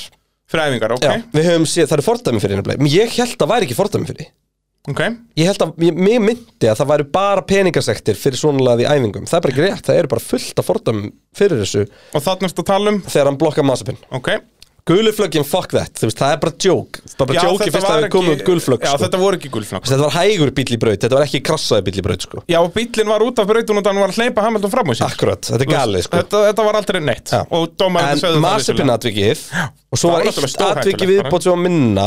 Það, Þetta Mazepin atvik, það var bara Ég bara lofa þér, ef einhver annar er Mazepin verið Það hefði gert eitthvað í þessu, meira. Ég veit að það hefur verið Max Verstappen. Já, það var alltaf verið galið Já. Það er bara allt sprungið upp sko. Já. Mazepin, heyrður viðtalið við hann Nei. Hann sagði í viðtalið ofinberlega að honum fannst þetta mjög vel gert að hann vildi ekki fara að fokka upp titilslagnum Já, og ég skil það Jep. Maður, Ég sagði þetta í kemni, þú veist, þessi tveir verða eins og séu með eitthvað hérna segulsvið í kringum sig því að það vil enginn koma nálægt þeim sko. Jep, Hérna um, Því hvað þetta er dásamlegt Ég veit það Ég els, er svo Myndur þið vilja vera bara Hefði þið langað til að vera Esteban okkar í þessar endur þessi Nei, vá hvað hann sko, hann er hávaksin maður En maður sá valla í hjálminn á honum Hann var búin að sökka þessu tjúftunni Setti, ég vill ekki vera hérna.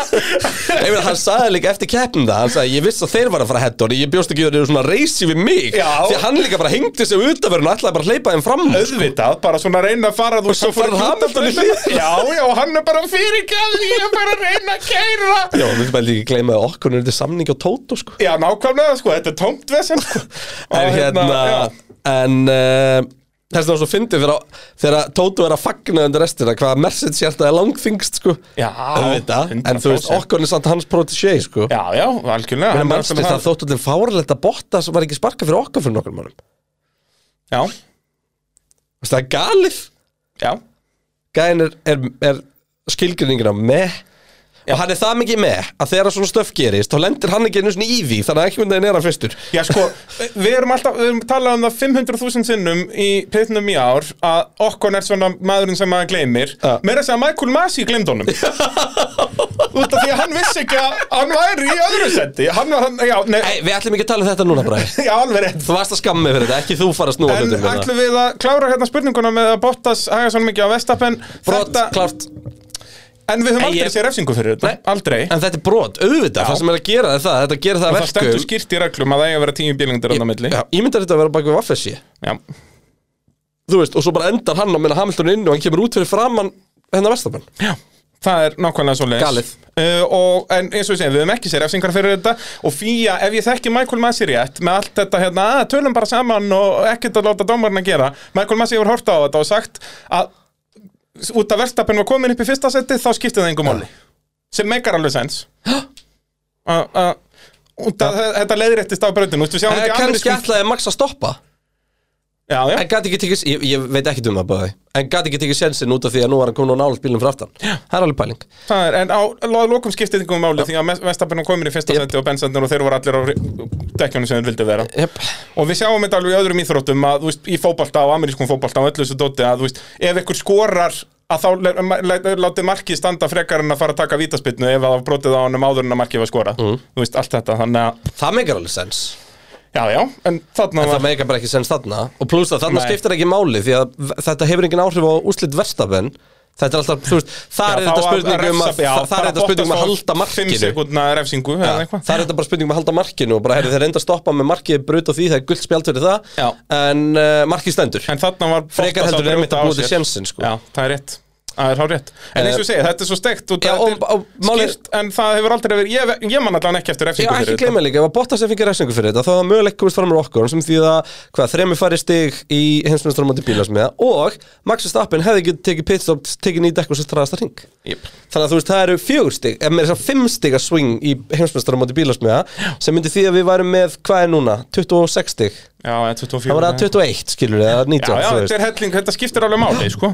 Það er, það er nákvæmlega svo leiðis En þú veist, við getum síðan alveg farið og hent í hinn áttina líka þannig að við bara geta jafnast einhvern veginn úr klút Já, Gunnar Það er Hrafn eitthvað feng shui í þessu. Já, það er allir aðeins. Og okkar maður Gunnar Hrafn spyr uh, Hvað hefði geta gest ef spjall fíja við liðstjóra hefði ekki átt sér stað og atvik rannsökuð af dómnefnd? Núna erum við komin lengra. Þetta er, þannig Já, að já. við tala um atvik sem er síðar. Verðum við ekki að byrja bara á að tala um fyrstu enduræsinguna Jú, þetta er eins og segi, spurningarnir eru í smá mössi, sko, þetta er djöðsvesen Ok, tökum bara öll þessi atvik núna. Öll þessi atvik, það er, það er vesen.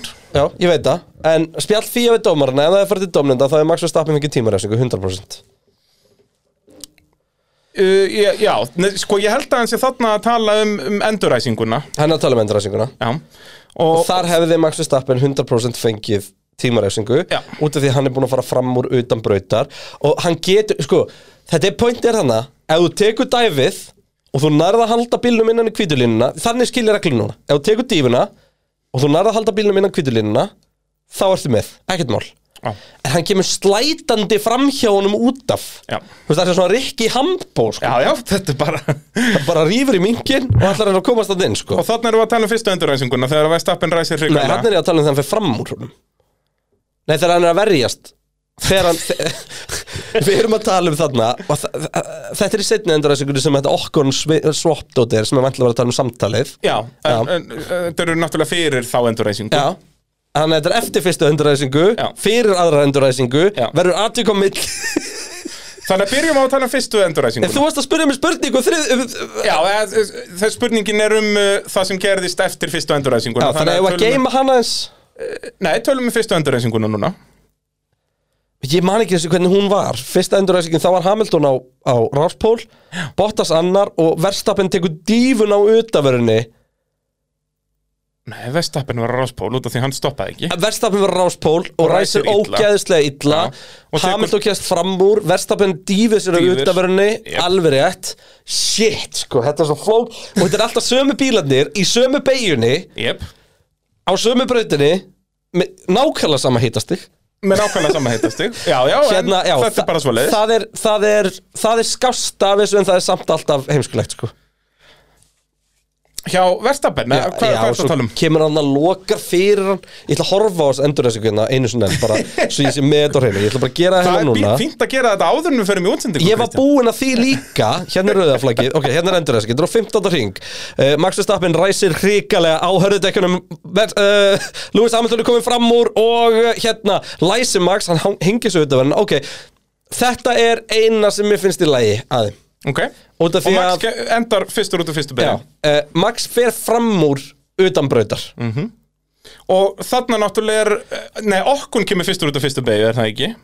Nei, okkur kemur annar. Verstappen okkur Mercedes. Verstappen okkur Hamilton. Já, nei, Verstappen- ok, okkun kemur fyrstur út úr fyrstu beigju Og svo tekur Verstappen fram úr honum, er það ekki? uh, Nei það er, það er eftir Það er eftir setni Nú, endurræsinguna það er svo leiðis, ok. Þarna, þarna Þannig er þetta Verstappen, okkun, Hamilton. Já.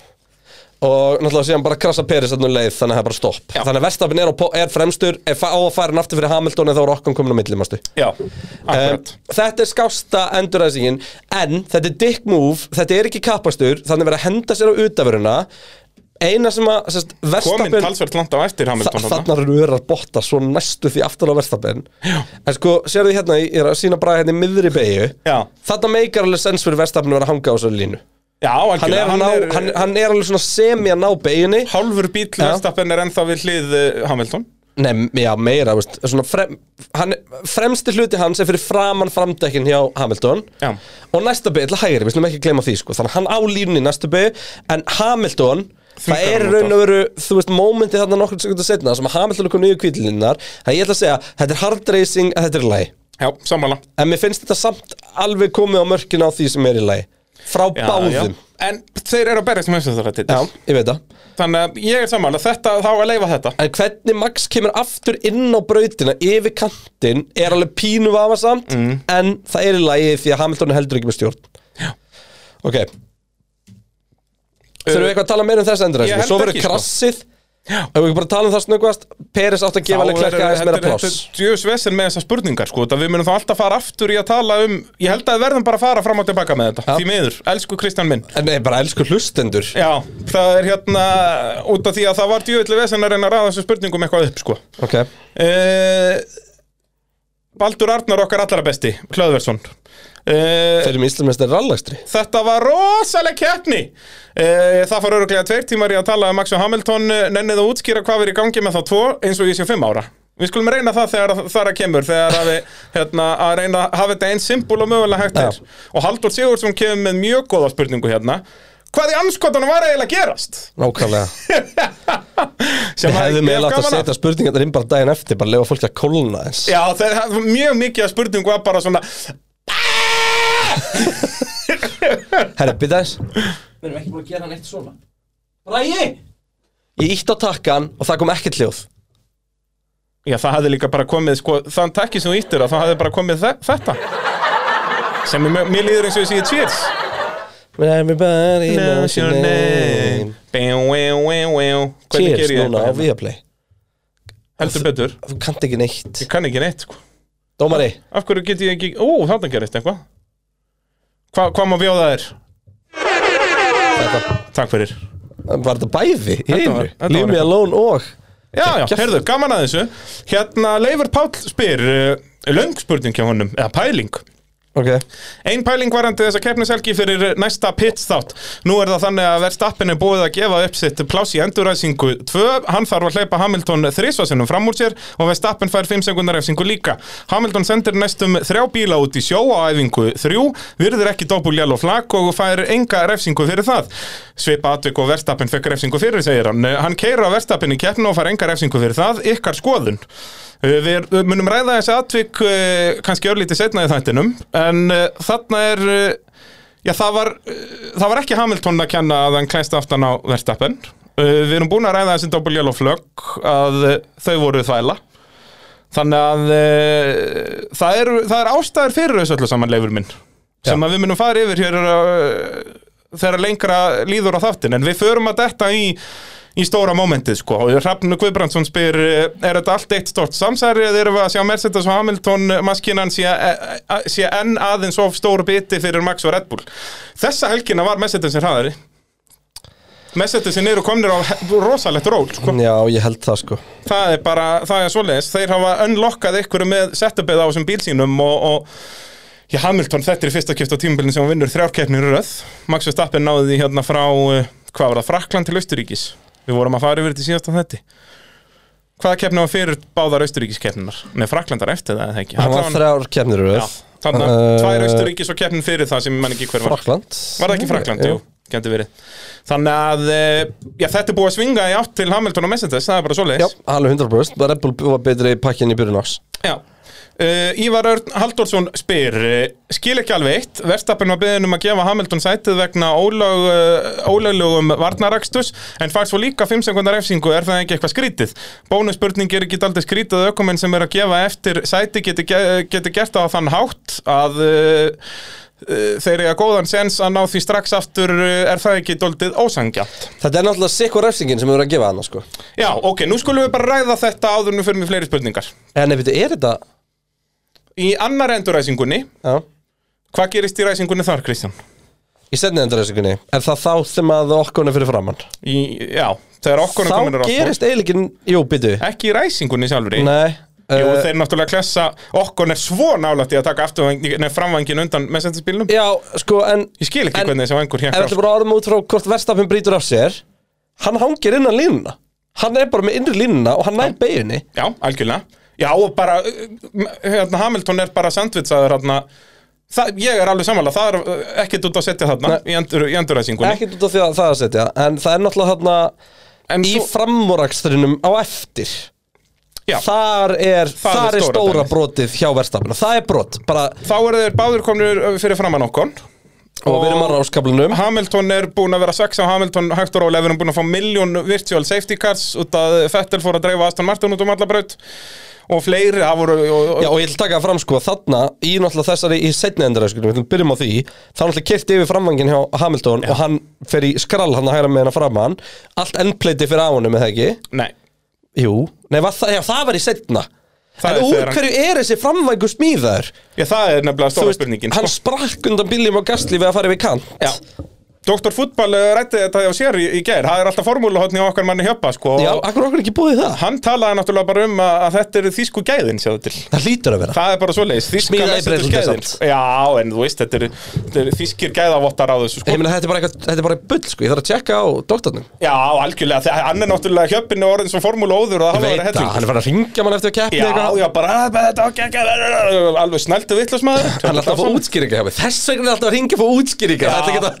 Ég það, er Já, já, er Þess er Já, geti verið Ok. með, svo hann geti þótt vera sniðugur í sínum Já, þætti og spáður rétt og Já, eitthvað svona eitthvað svona, þú verður að heyra í greinarnum fyrst sko. Það er nákvæmlega alltaf bara að segja mér á mannamáli Hvernig er þetta? Já, það er, það er nákvæmlega svo leiðis sem þetta virkar uh, En hérna, stóra atvikið er þarna á uh, Ég man nú ekki á hvað ringar þetta Fertu, nei, þetta er svona 37. 37. Já, Er þetta á svona 37? Búm, djöðlir ég segur Bæði atvikin er á 37. Já, uh, Hamilton er komin, hvað, einni bílengd eða tveimur fram úr honum fyrir fyrstu beygju? Einni bílengd? Nei, hann er bara komin upp fyrir hann. Þú ert með þetta fyrir fram að hann er alveg þeir bílengd sína fyrir það svo illa í já. endursýningunni. Nú, já, en já, Á allavega hann er komin onboardinu undan. hjá Hamilton sérðu ekkit í verstafinn lengur.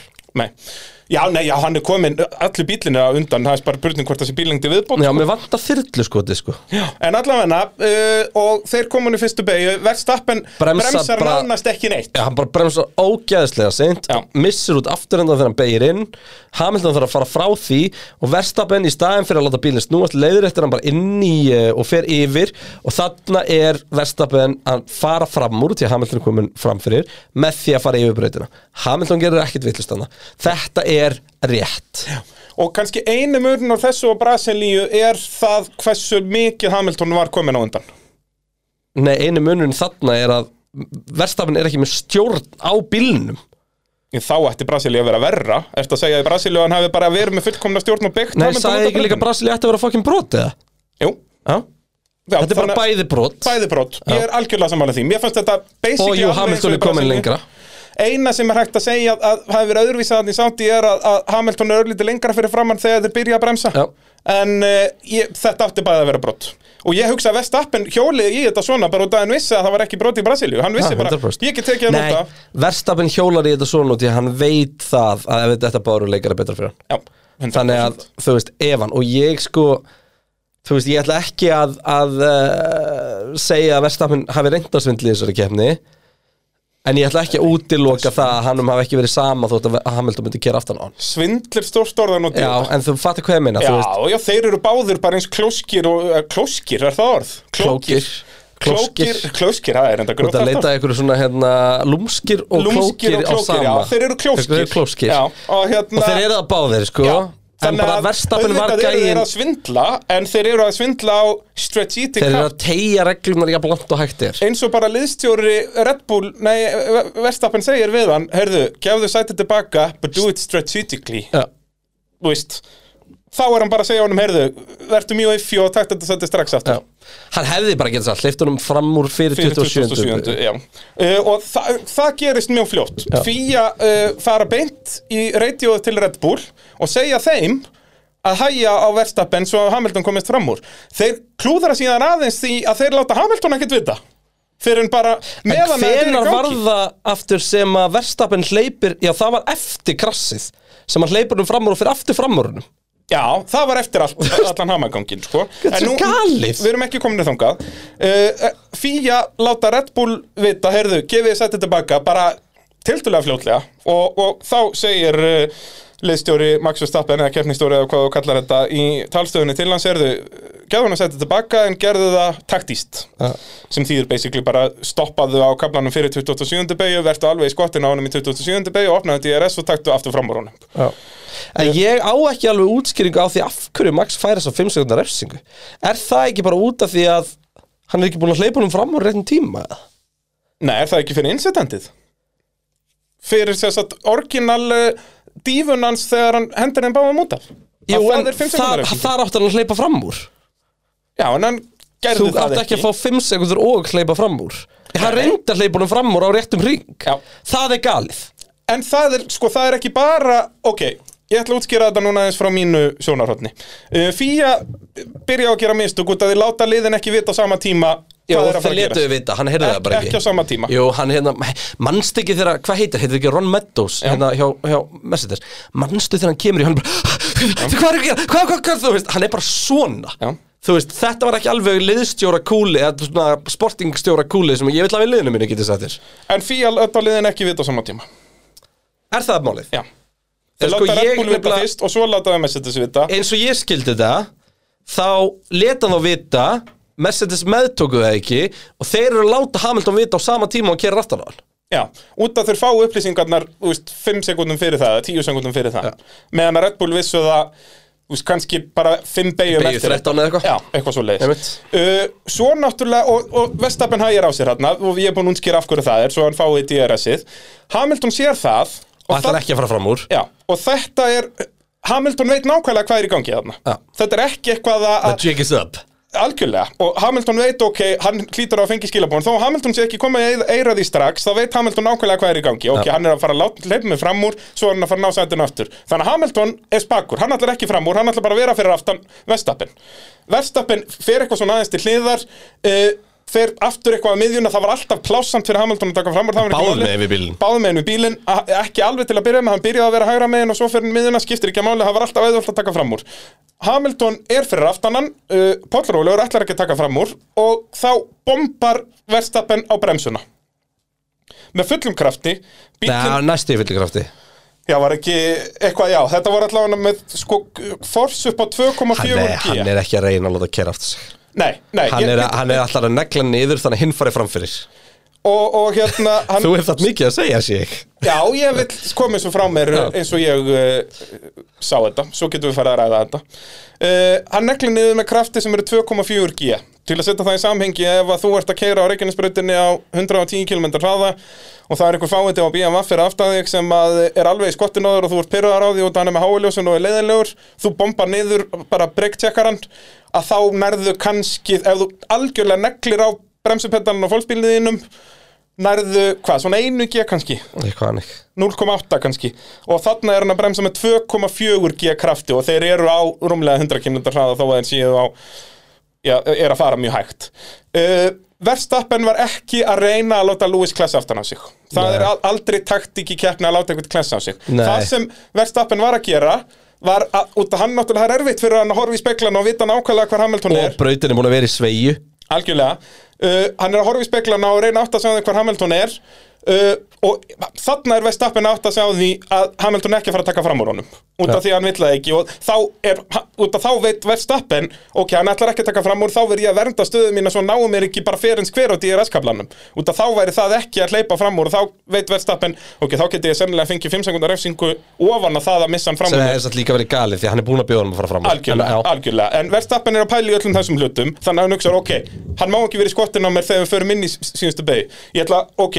er að í að við í Ég ég er út í kanti, neglir niður og gefur síðan strax inn aftur. Þú veist, Þegar hann er ón á framvægnum hjá Hamilton þá er hann komin í fulla gjöf. Og það hann ætla bara rétt að negla niður og gefa strax í bótt þannig að Hamilton mundir jakt á að bremsa út af Verstappen áttaði sem ekki á því hvað Hamilton var að Já, en þú meina þetta hafi bara verið pullandi breakcheck.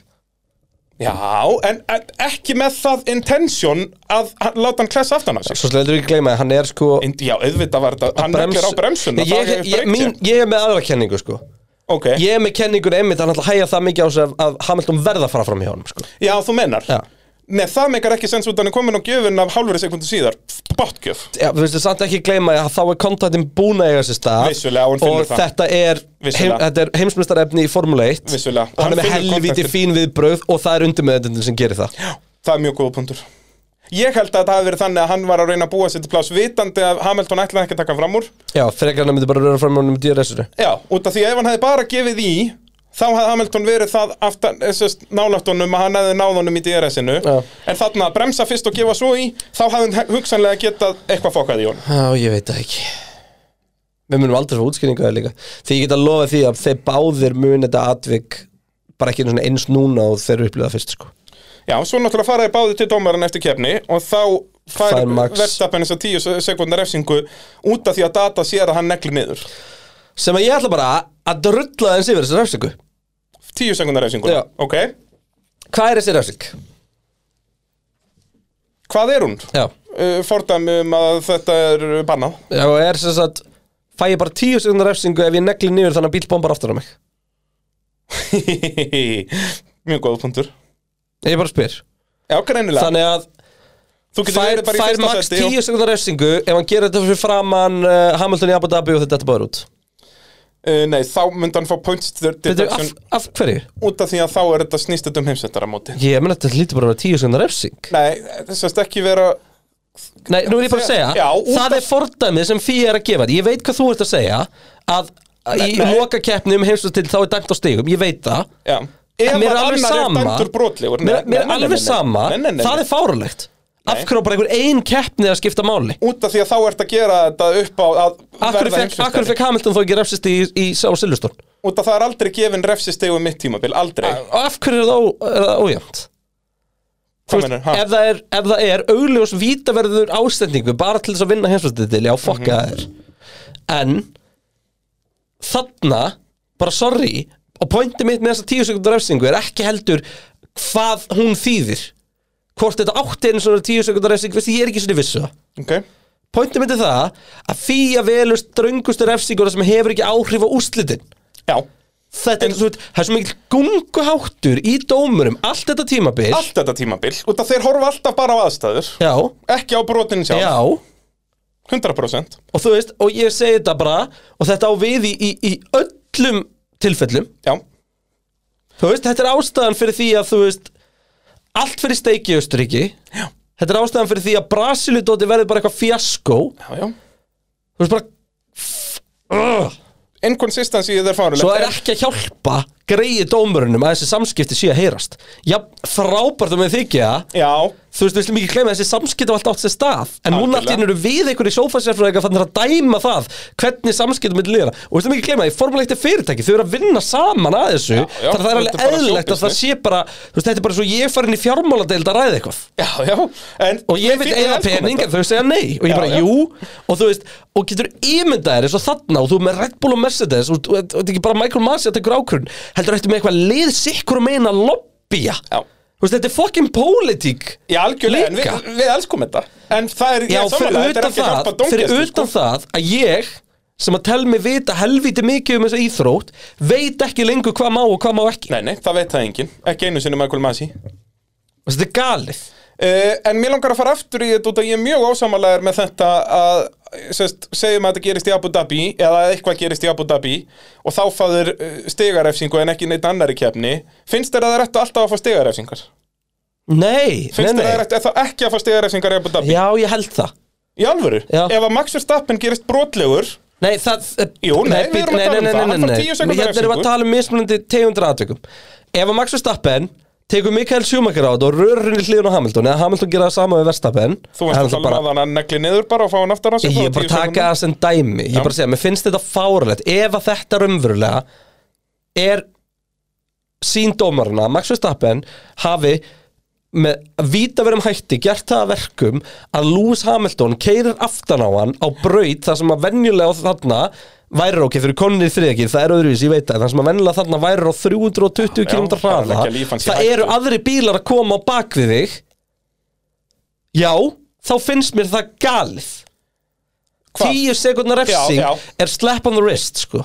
út af því, hann tapar ekki sæti hann tapar ekki neinu 5 sekundar refsingin fyrir þú veist, Ég er að koma dæmi hérna ef að Max Verstappen hefði hoppað inn tekið hraðasta ring og klárað 3 sekundum undan okkon eða, nei, Bottas, það er hann ekki fyrir þessu Það Já. halda þið fram. Já, já 100% Það verið dæmt sem einhvers konar þar Já. sem að báðir áttu hlut. 100%, 100% og báðir En- áttu hlutarna Já, Lewis já. Hamilton á að fara fram úr honum. Já, algjörlega. Þetta er galið sko. En uh, sest, við erum ekki Þetta var ekki það sem við varum að spyrjum að, að með ef að Verstappen fái tíu sata refsingu fyrir eitthvað tíu sekundar refsingu fyrir brot gegn Lewis Hamilton í Abu Dhabi og þeir þetta báðir út fyrir það er, á þá Verstappen að vera heimsumstæri Sest, tekur Michael Schumacher bombarinn í hliðina á honum fær tíu sekundar refsingu fyrir það þeir þetta báðir út á Verstappen að vera meistari? Nei. Þannig að þú ert sammála mér að það á að vera points deduction fyrir það Í síðustu keppni, ekki alltaf, bara í síðustu keppni Já, sjálfsögðu á heimsmjónsmóti ekki að virka þannig að þú getur gert hvað sem þú vilt og þú fær bara refsingu í Ástralíu árið eftir skilur við mm -hmm. að sjálfsögðu á það ekki vera þannig Þetta er svona eins og mér finnst alltaf að fáralt bara í fótbolta annars líkt þegar rauð spjöld í síðasta leik á síðasta tímabili faldast yfir á næsta tímabili og eitthvað svona. Já, já. Þú veist, en ok, pointi er þar að þú ætti ekki að vera brjóta lappir, skilur við En mér finnst skrítið að sambarilegt aðtöku og ef við tökum, nú slum ekki taka svona fáralegt aðtöku svo þetta. Ok, en gefum, bara- okkur, gefum okkur að, að jú, jú, veistu, þetta er rétt hjá þér. Því að gefum okkur að Silveston gerist aftur Mhm. í Abu Dhabi og Hamilton tekur Max út og verður hinsmistar út í hann færi eitt stig. Auðvitað á hann ekki að geta það. Nei, auðvitað ekki. En þetta er samt galið. Já, nei, galið, ég meina þetta er bara staðan sem við erum í. Það ég veit það. Og, og mér Þetta finnst er náttúrulega bara keppni- flókið sko Já, þú veist, mér finnst að yfir allt tímabilið eigi ekki að vera að gefa mönnum alls konar refsingar, eh, refsi stig, sérst að taka þeim stig í heimsvættaramótinu, heldur bara að refsingin er í keppninni sjálfri, Mhm.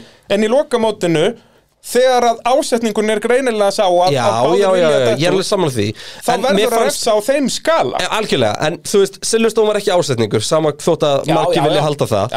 Þetta er óhefilegt atvik sem að held að sé búið að sanna sig núna sérstaklega því lengra sem við komum í þetta tímabil bara hvað gerist þegar kúruð þessar gæja gefin eitt eftir Mhm. þannig að bara gerist á háhraða stað með hræðilegum afleggingum Já, þú veist, ég myndi að vera 37. hérna ef að Hamilton hafði bara hangið utan á, ekki farið út fyrir Bras- þá hafði það Brasilíu? endað nákvæmlega eins Eða og í Brasilíu? Eða í Brasilíu. Það, ég veit það, það er bara það sem ég er að segja þú veist, og nema bara munurinn sá hérna og bara sorry Max Verstappen fólk ástæðan fyrir því að þeir eru ekki búin að krassa hann svona oft núna er ekki út í að Verstappen er að gera eitthvað vel heldur út í að Hamilton er að skynsala Já, út af því hann veit að að hann með betur pakka undir sér. Út af því að, já ekki bara það, líka bara út í að hann er að hugsa um heimsmyndarmóti hann þarf að sækja, það er alltaf búið að henda núna í síðustu keppni verðstafinu þegar þetta er búið út sko. Algjörlega, þá eru bara að í stíð í pottinu með bili heldur að sama sko. Það er nákvæmlega svo leiðis. þannig að hérna Uh, jú, þetta er alveg rétt hjá þér en þetta er samt Já, þetta meikar ekkert sens þetta er eina aðstæðan sem við getum verið í sko. Já, það er út, svolítið svo leiðis. út af því að þetta er ekki eins og í öðrum íþróttum það sem að víti eða eitthvað á hitlið á en þá möguleika skilur þetta er basically eins og að myndi allir fótbrotna í hinnu fótballliðin í byrjunleiks hvað á að gera? Já, það er mjög, mjög góð lýsing. Það er nákvæmlega svo leiðis, það er ekki hægt að gera neitt í því, Já. skilur Það er alltaf hægt að henda að hann fótbrotna og hendu öðrum manni inn og eitthvað. En þannig er þetta eins og segir, að bara allt liðið fóði matareiturinn allt, allt hitliði fyrir inn og þú veist það er allir fótbrotnir og það fengur sko nýju leikmenn rauktspjald þannig að þú tveir eftir til að vinna leikinn sko. Já, bara bing bara búm Já, þannig að þetta er, þetta er flókið sko. Uh, þá munum við sennilega backtracka aðeins núna með alls konar spurningum en það er gaman að því Kolbett Karl spyr uh, ætti það að vera hluti af refsingunum við að skipa að gefa ökumenni aftur sætið sitt að þú meir ekki opna aftanvengin næsta DRS-væði eftir þá hleypur húnum fram úr Þetta er náttúrulega framhald af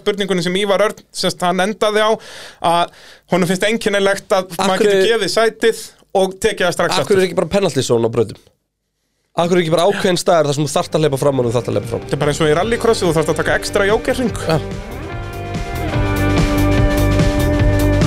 Jú, þá er þessum uh, hluta lokið, við þurfum að skipta aðeins í tvent bara. og Það getur upp á mig Hvað, já, ég- venjulega fer ég nú bara heim að gera þetta, sko, en, uh, já, verður Ég snið. vil að fæ aldrei að tala. Það var svo vákvæði gaman hjá okkur, við erum að tala í sama mikrofónu. En sérst, þessi þáttur var það langur Ég byrju, ég ætla að prófa það Döminur og herrar Takk fyrir að hlusta á fyrri hluta uppgjörsþátt Pitsins um uh, Formule 1 kefna sem framfór í Sáti Arbi Hér eftir örskama stund getið þið smelta á næsta hluta þáttarins til þess að uh, heyra Hva, hvað verður sem? Eitthvað, það kemur í ljós. Það veist ekki þessum hvar við erum að skipta Ítið bara á næsta þátt og grjótaldið í kjaldi. Smeltu